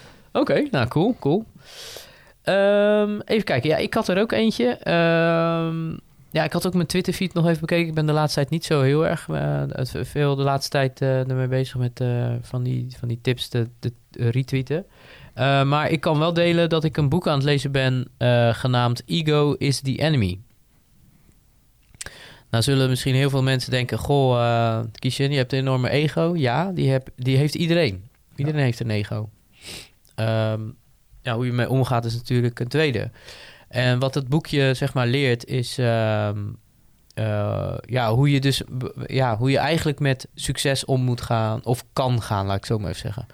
En natuurlijk ook met failures. En, ehm, en eh, ja, het ding wat mij achtergebleven is, is eh, die humbleness. Weet je wel? Dat je constant eigenlijk gewoon altijd humble moet zijn. Ook naar mensen die eigenlijk niks weten, weet je wel? Over Ja. software development bijvoorbeeld. Want die kunnen je ook weer dingen leren. Want die zien dingen met een heel blind oog. En, en eh, gewoon niet logisch meer zien van... Weet je wel, als je iets vertelt, dat, je, dat ze het gewoon niet logisch vinden. Ja, ja. En dat is ook hele waardevolle feedback. En heel vaak denken wij van, ja, dat, tenminste, dat hoor ik dan in die boek, eh, lees ik in het boek. Eh, van dat gaan mensen vaak in, in een soort van defensieve mode. Van ja, maar hallo, eh, ik heb eh, die 15 jaar ervaring. wat kom jij me nou vertellen? Maar mijn tip zou daarin zijn: laat dat alsjeblieft varen. Luister die persoon nou even goed aan. Of die, die junior, of met wie je ook hè, moet communiceren. Ehm, eh, probeer, eh, keep always learning, dat zeiden we net ook al. Hè? Blijf altijd maar leren. ja goede tip. Ja. Ja, heel En goed. het boek eh, is wel, eh, het is wel taai, moet ik zeggen. Het is, het- je moet er wel even doorheen. Eh, het is niet eens zo dik of zo hoor, maar eh, de schrijver gaat wel in allerlei voorbeelden. En, dus ik, ik ben uiteindelijk ook nu een eh, soort van samenvatting aan het op, eh, opbouwen. Waar een paar, gewoon eh, voor mij een paar mantra's in staan, weet je Ja. wel, waarmee ik om kan gaan. Dus eh, zeker een eh, tip voor degene die misschien een beetje ja, op zoek zijn naar hoe je daarmee om kan gaan met ego. En, en misschien ook wel mensen die een enorme ego hebben. Weet je wel, daar staan ook hele handige tips voor. Oké. En uh, Robert, heb je nog een... Uh, ja, ik, ik je, zit te kijken. Ja, ik, zie het aan je hoofd. dat is het mooie van in real life, hè? Ja, ik zie het. Um, nou, ik, ik zat te denken, misschien uh, tv-tips en zo. Ik heb, er, ik heb er misschien twee. Mm -hmm. ik, ik, ben wel, ik ben wel zeg maar een Marvel-fan, een beetje van de films en de tv-series. Maar ik vond de, op Disney Plus de What If serie vond ik echt best wel goed. Want het is, het is, een, het is een tekenfilm. Maar het gaat er dus over, dus bijvoorbeeld van wat als Captain America geen Captain America maar is geweest, maar zijn vriendin uh, Captain, Car Captain Carter, wat een Britse dame is. Ja. Uh, dan krijg je niet Captain America, maar Captain, Captain Britain of iets dergelijks. Ja. En ik vond het zo grappig. Ja. En, en, bijvoorbeeld, uh, de tweede aflevering was van... wat als Star-Lord van Guardians of the Galaxy... dus, dus niet Star-Lord was geweest... maar degene die Black Panther is Star-Lord geweest. Wat was er dan gebeurd? En dan, en dan uh, wordt hij dus zeg maar onderdeel van Guardians of the Galaxy. Maar dan Thanos, de grote bad guy uit de Avengers films... wordt dan zeg maar onderdeel van de crew van de Guardians of the Galaxy. Oh. En ik dacht eens, wat een mindfuck is dat. Ja, ik, ik, vond het zo ontzettend gaaf. En het zit best wel goed in elkaar. En het zijn een aantal takefilms. En het, het, ik dacht in het begin van, het zijn allemaal losse verhalen. Maar het komt allemaal, aan het einde komt het weer samen. Het, oh, ik vind het... Ja. ik vond het echt heel tof om te zien. Ik dacht in het begin van, nou, het is een tekenfilm, laat me zitten. Ik ja. niet zo. Ik vond het echt, echt de moeite waard. Ik denk dat je Saber misschien uh, op een tip hebt gegeven. Want die is ook heel erg into Marvel. Uh, ja, ik ga hem ook op mijn lijst uh, zetten. Oké. Okay. Ja, en, nou, ik, en je had nog een tweede? Ik, ik, nog één, nog één, nog één, nog één. Uh, ik kijk ook, en dat vind ik ook echt heel tof, Foundation op... Uh, nou goed, ik heb, een, ik heb een iPhone, dus ik heb ook Apple TV+. Plus. dat is van Isaac Asimov verhaal, serie. En het doet me een beetje, beetje denken aan Dune. Een beetje diezelfde sfeer en zo. Maar goed, omdat het over uh, uh, Asimov gaat, is het natuurlijk allemaal zeg maar, een beetje wetenschappelijk, uh, mathematician-achtig. En het is zeg maar, een soort keizerrijk wat echt heel erg lang bestaat. En er is een, zeg maar, keizer die heeft bedacht dat hij zichzelf kan klonen, waardoor hij eigenlijk het eeuwige leven heeft. En er is een of andere ehm, mathematicus die heeft berekend dat waarschijnlijk het keizerrijk ten onder gaat, tenzij hij bepaalde stappen neemt. En hij zegt van het keizerrijk gaat ten onder voor 30.000 jaar, tenzij je mijn plannetje volgt, dan gaat hij maar onder voor duizend jaar. Nou, dat is natuurlijk allemaal strubbelingen en dingen. En ik vind het echt prachtig hoe dat in elkaar uh, is uh, gezet okay, allemaal. Cool. Ja. ja, dat iemand dan ook dat echt helemaal gaat uitwerken natuurlijk. Zo'n director Precies. die dan... Wauw, ja. ja, ik, en dit is, uh, het is volgens mij door David S. Goyer. Dat is, die heeft geloof ik ook... Uh, Game of Thrones, dacht ik, uh, gedaan. Ja. Dus de, de productiewaarden zijn weer... Uh, ja. Het is weer heerlijk. Ja, heerlijk man. Ja. Kijk, eh, nou we het over tv en series en zo hebben. Twin Peaks. Kijkt iemand hier toevallig Twin Peaks? 30 jaar geleden of zo? Ja, ja dat is echt, dat is echt oldschool. Maar ja, ze hebben sinds... Nou, oh ja, dat was een nieuwe. nieuwe seizoen hebben ze op Videoland uh, toen uitgebracht. Of tenminste op uh, allerlei verschillende zenden. Maar uh, keken jullie dat nog wel eens? Of, ik niet, ik niet. Ik heb het wel gekeken. Ja, wat dacht je toen? nou, nee, ja, ik dacht, nou, ik weet niet of ik... ja, dit nog even door kan blijven kijken. Ja, ik ook. Ik, ik had precies hetzelfde als jij. Dat ik dacht echt van, waar gaat dit nou eigenlijk over? Welke, welke sicko moet je zijn om dit uh, door te kunnen kijken? Nou, blijkbaar ik dus. uh, maar ik, heb het, uh, ik ben seizoen, het laatste seizoen dus aan het bekijken. Mm -hmm. En ja, ik, het blijft me wel ik weet niet, het, ik ben gewoon een beetje hoek eraan of zo. Al die gekke scènes. En dus je moet even, even, even doorbijten ja. en dan uh, ja. oké. Ja, maar je moet, ik denk wel dat je een sick mind voor moet hebben om er doorheen te komen hoor. Want het is inderdaad af en toe dat je echt denkt, waar heb ik nou naar zitten kijken? weet je wel, van dat iemand zo heel vreemd in de camera zit te kijken. En dan echt soms twee, drie minuten lang, weet je wel. Of naar hele foute muziek aan het einde, weet je wel. Dat je denkt echt van, heb ik nou naar zitten luisteren? Maar toch, het blijft op een of andere manier interessant om naar te kijken. Oké. Goed, nou, uh, ik, uh, ja, jullie nog een, op de valreep misschien nog één laatste? Een filmtip misschien nog? Ja, zeg maar. Zijn toch uh, vreemde in films? De, in, de, in de Marvel-hoek natuurlijk, maar ja. we hebben natuurlijk ook de DC-hoek. Sommigen zeggen, als oh, je Marvel-fan bent, dan ben je geen DC-fan. Maar ik, ik denk dat dat allebei kan. Ja. Als je dat toch een uh, hele vette film wil zien, vond ik, was de, de, de Snyder Cut van Justice League. Dat kan Robert uh, helemaal beamen, mee denk eens. ik. Die van, uh, we, nee, hoe heet die ook alweer? Die vorige andere regisseur? Whedon of zo? Joss, Joss Whedon. Ja, volgens mij wel. Die ja. van Firefly, die had zeg maar die, die film overgenomen van van Snyder. Omdat de studio het niet eens was, geloof ik. Het kostte veel geld of iets dergelijks, weet ik veel wat. Ja. Het was niet populair genoeg. Het was niet mainstream genoeg. Het was mainstream, maar dat was een beetje een matige film. Toen heeft dus uh, uh, die andere het weer uh, gedaan. En die heeft gewoon zeg maar, zijn originele visie neergezet. Nou, echt super vette film. Film van vier uur, maar echt, echt de moeite Zo. waard. Oké, okay, oké. Okay. Cool, cool, cool. Ik heb hem opgeschreven. Dus ja, die gaat ertussen. Nou uh, jongens, ik denk dat we toch maar even gaan afsluiten. Volgens mij zitten we nu echt uh, twee uur en tien minuten ongeveer nu aan uh, lekker te kletsen. Dus, en het is ook alweer laat en donker. Nou, donker was het al. Donker was het. Ja, precies. Dank nou, jullie wel voor het luisteren allemaal. Dat je het ja. helemaal vol hebt gehaald. Ja, ja. knap, knap. Ja, het is heel knap elke keer van iedereen. maar ja, goed, het is ook een hele interessante onderwerp natuurlijk. Het gaat natuurlijk wel een beetje alle kanten op. Maar aan de andere kant is het ook wel weer zo interessant dat je er toch altijd wel wat meeneemt. Dus uh, nou, in ieder geval uh, bedankt uh, Robert en Jamie voor jullie deelname vanavond. Graag gedaan. Graag gedaan hoor. Ja, tuurlijk. En um, ja, we hebben natuurlijk veel geleerd over mobile development, maar natuurlijk ook alle dingen eromheen. Zoals ja, het belangrijkste wat hier achterblijft volgens mij is hè, je gebruiker, vergeet die niet, vergeet die niet. Juist, ja. Uh, ook wil ik even Salves uh, Testservices bedanken voor het gebruik maken van het kantoor. Uh, ja, ik moet toch wel toegeven dat ik echt heel blij ben dat we weer in real life kunnen opnemen. Hè? Want dan eh, sowieso zie ik jullie weer na zoveel jaar. Dat is sowieso ja. wel even wel leuk om te zien.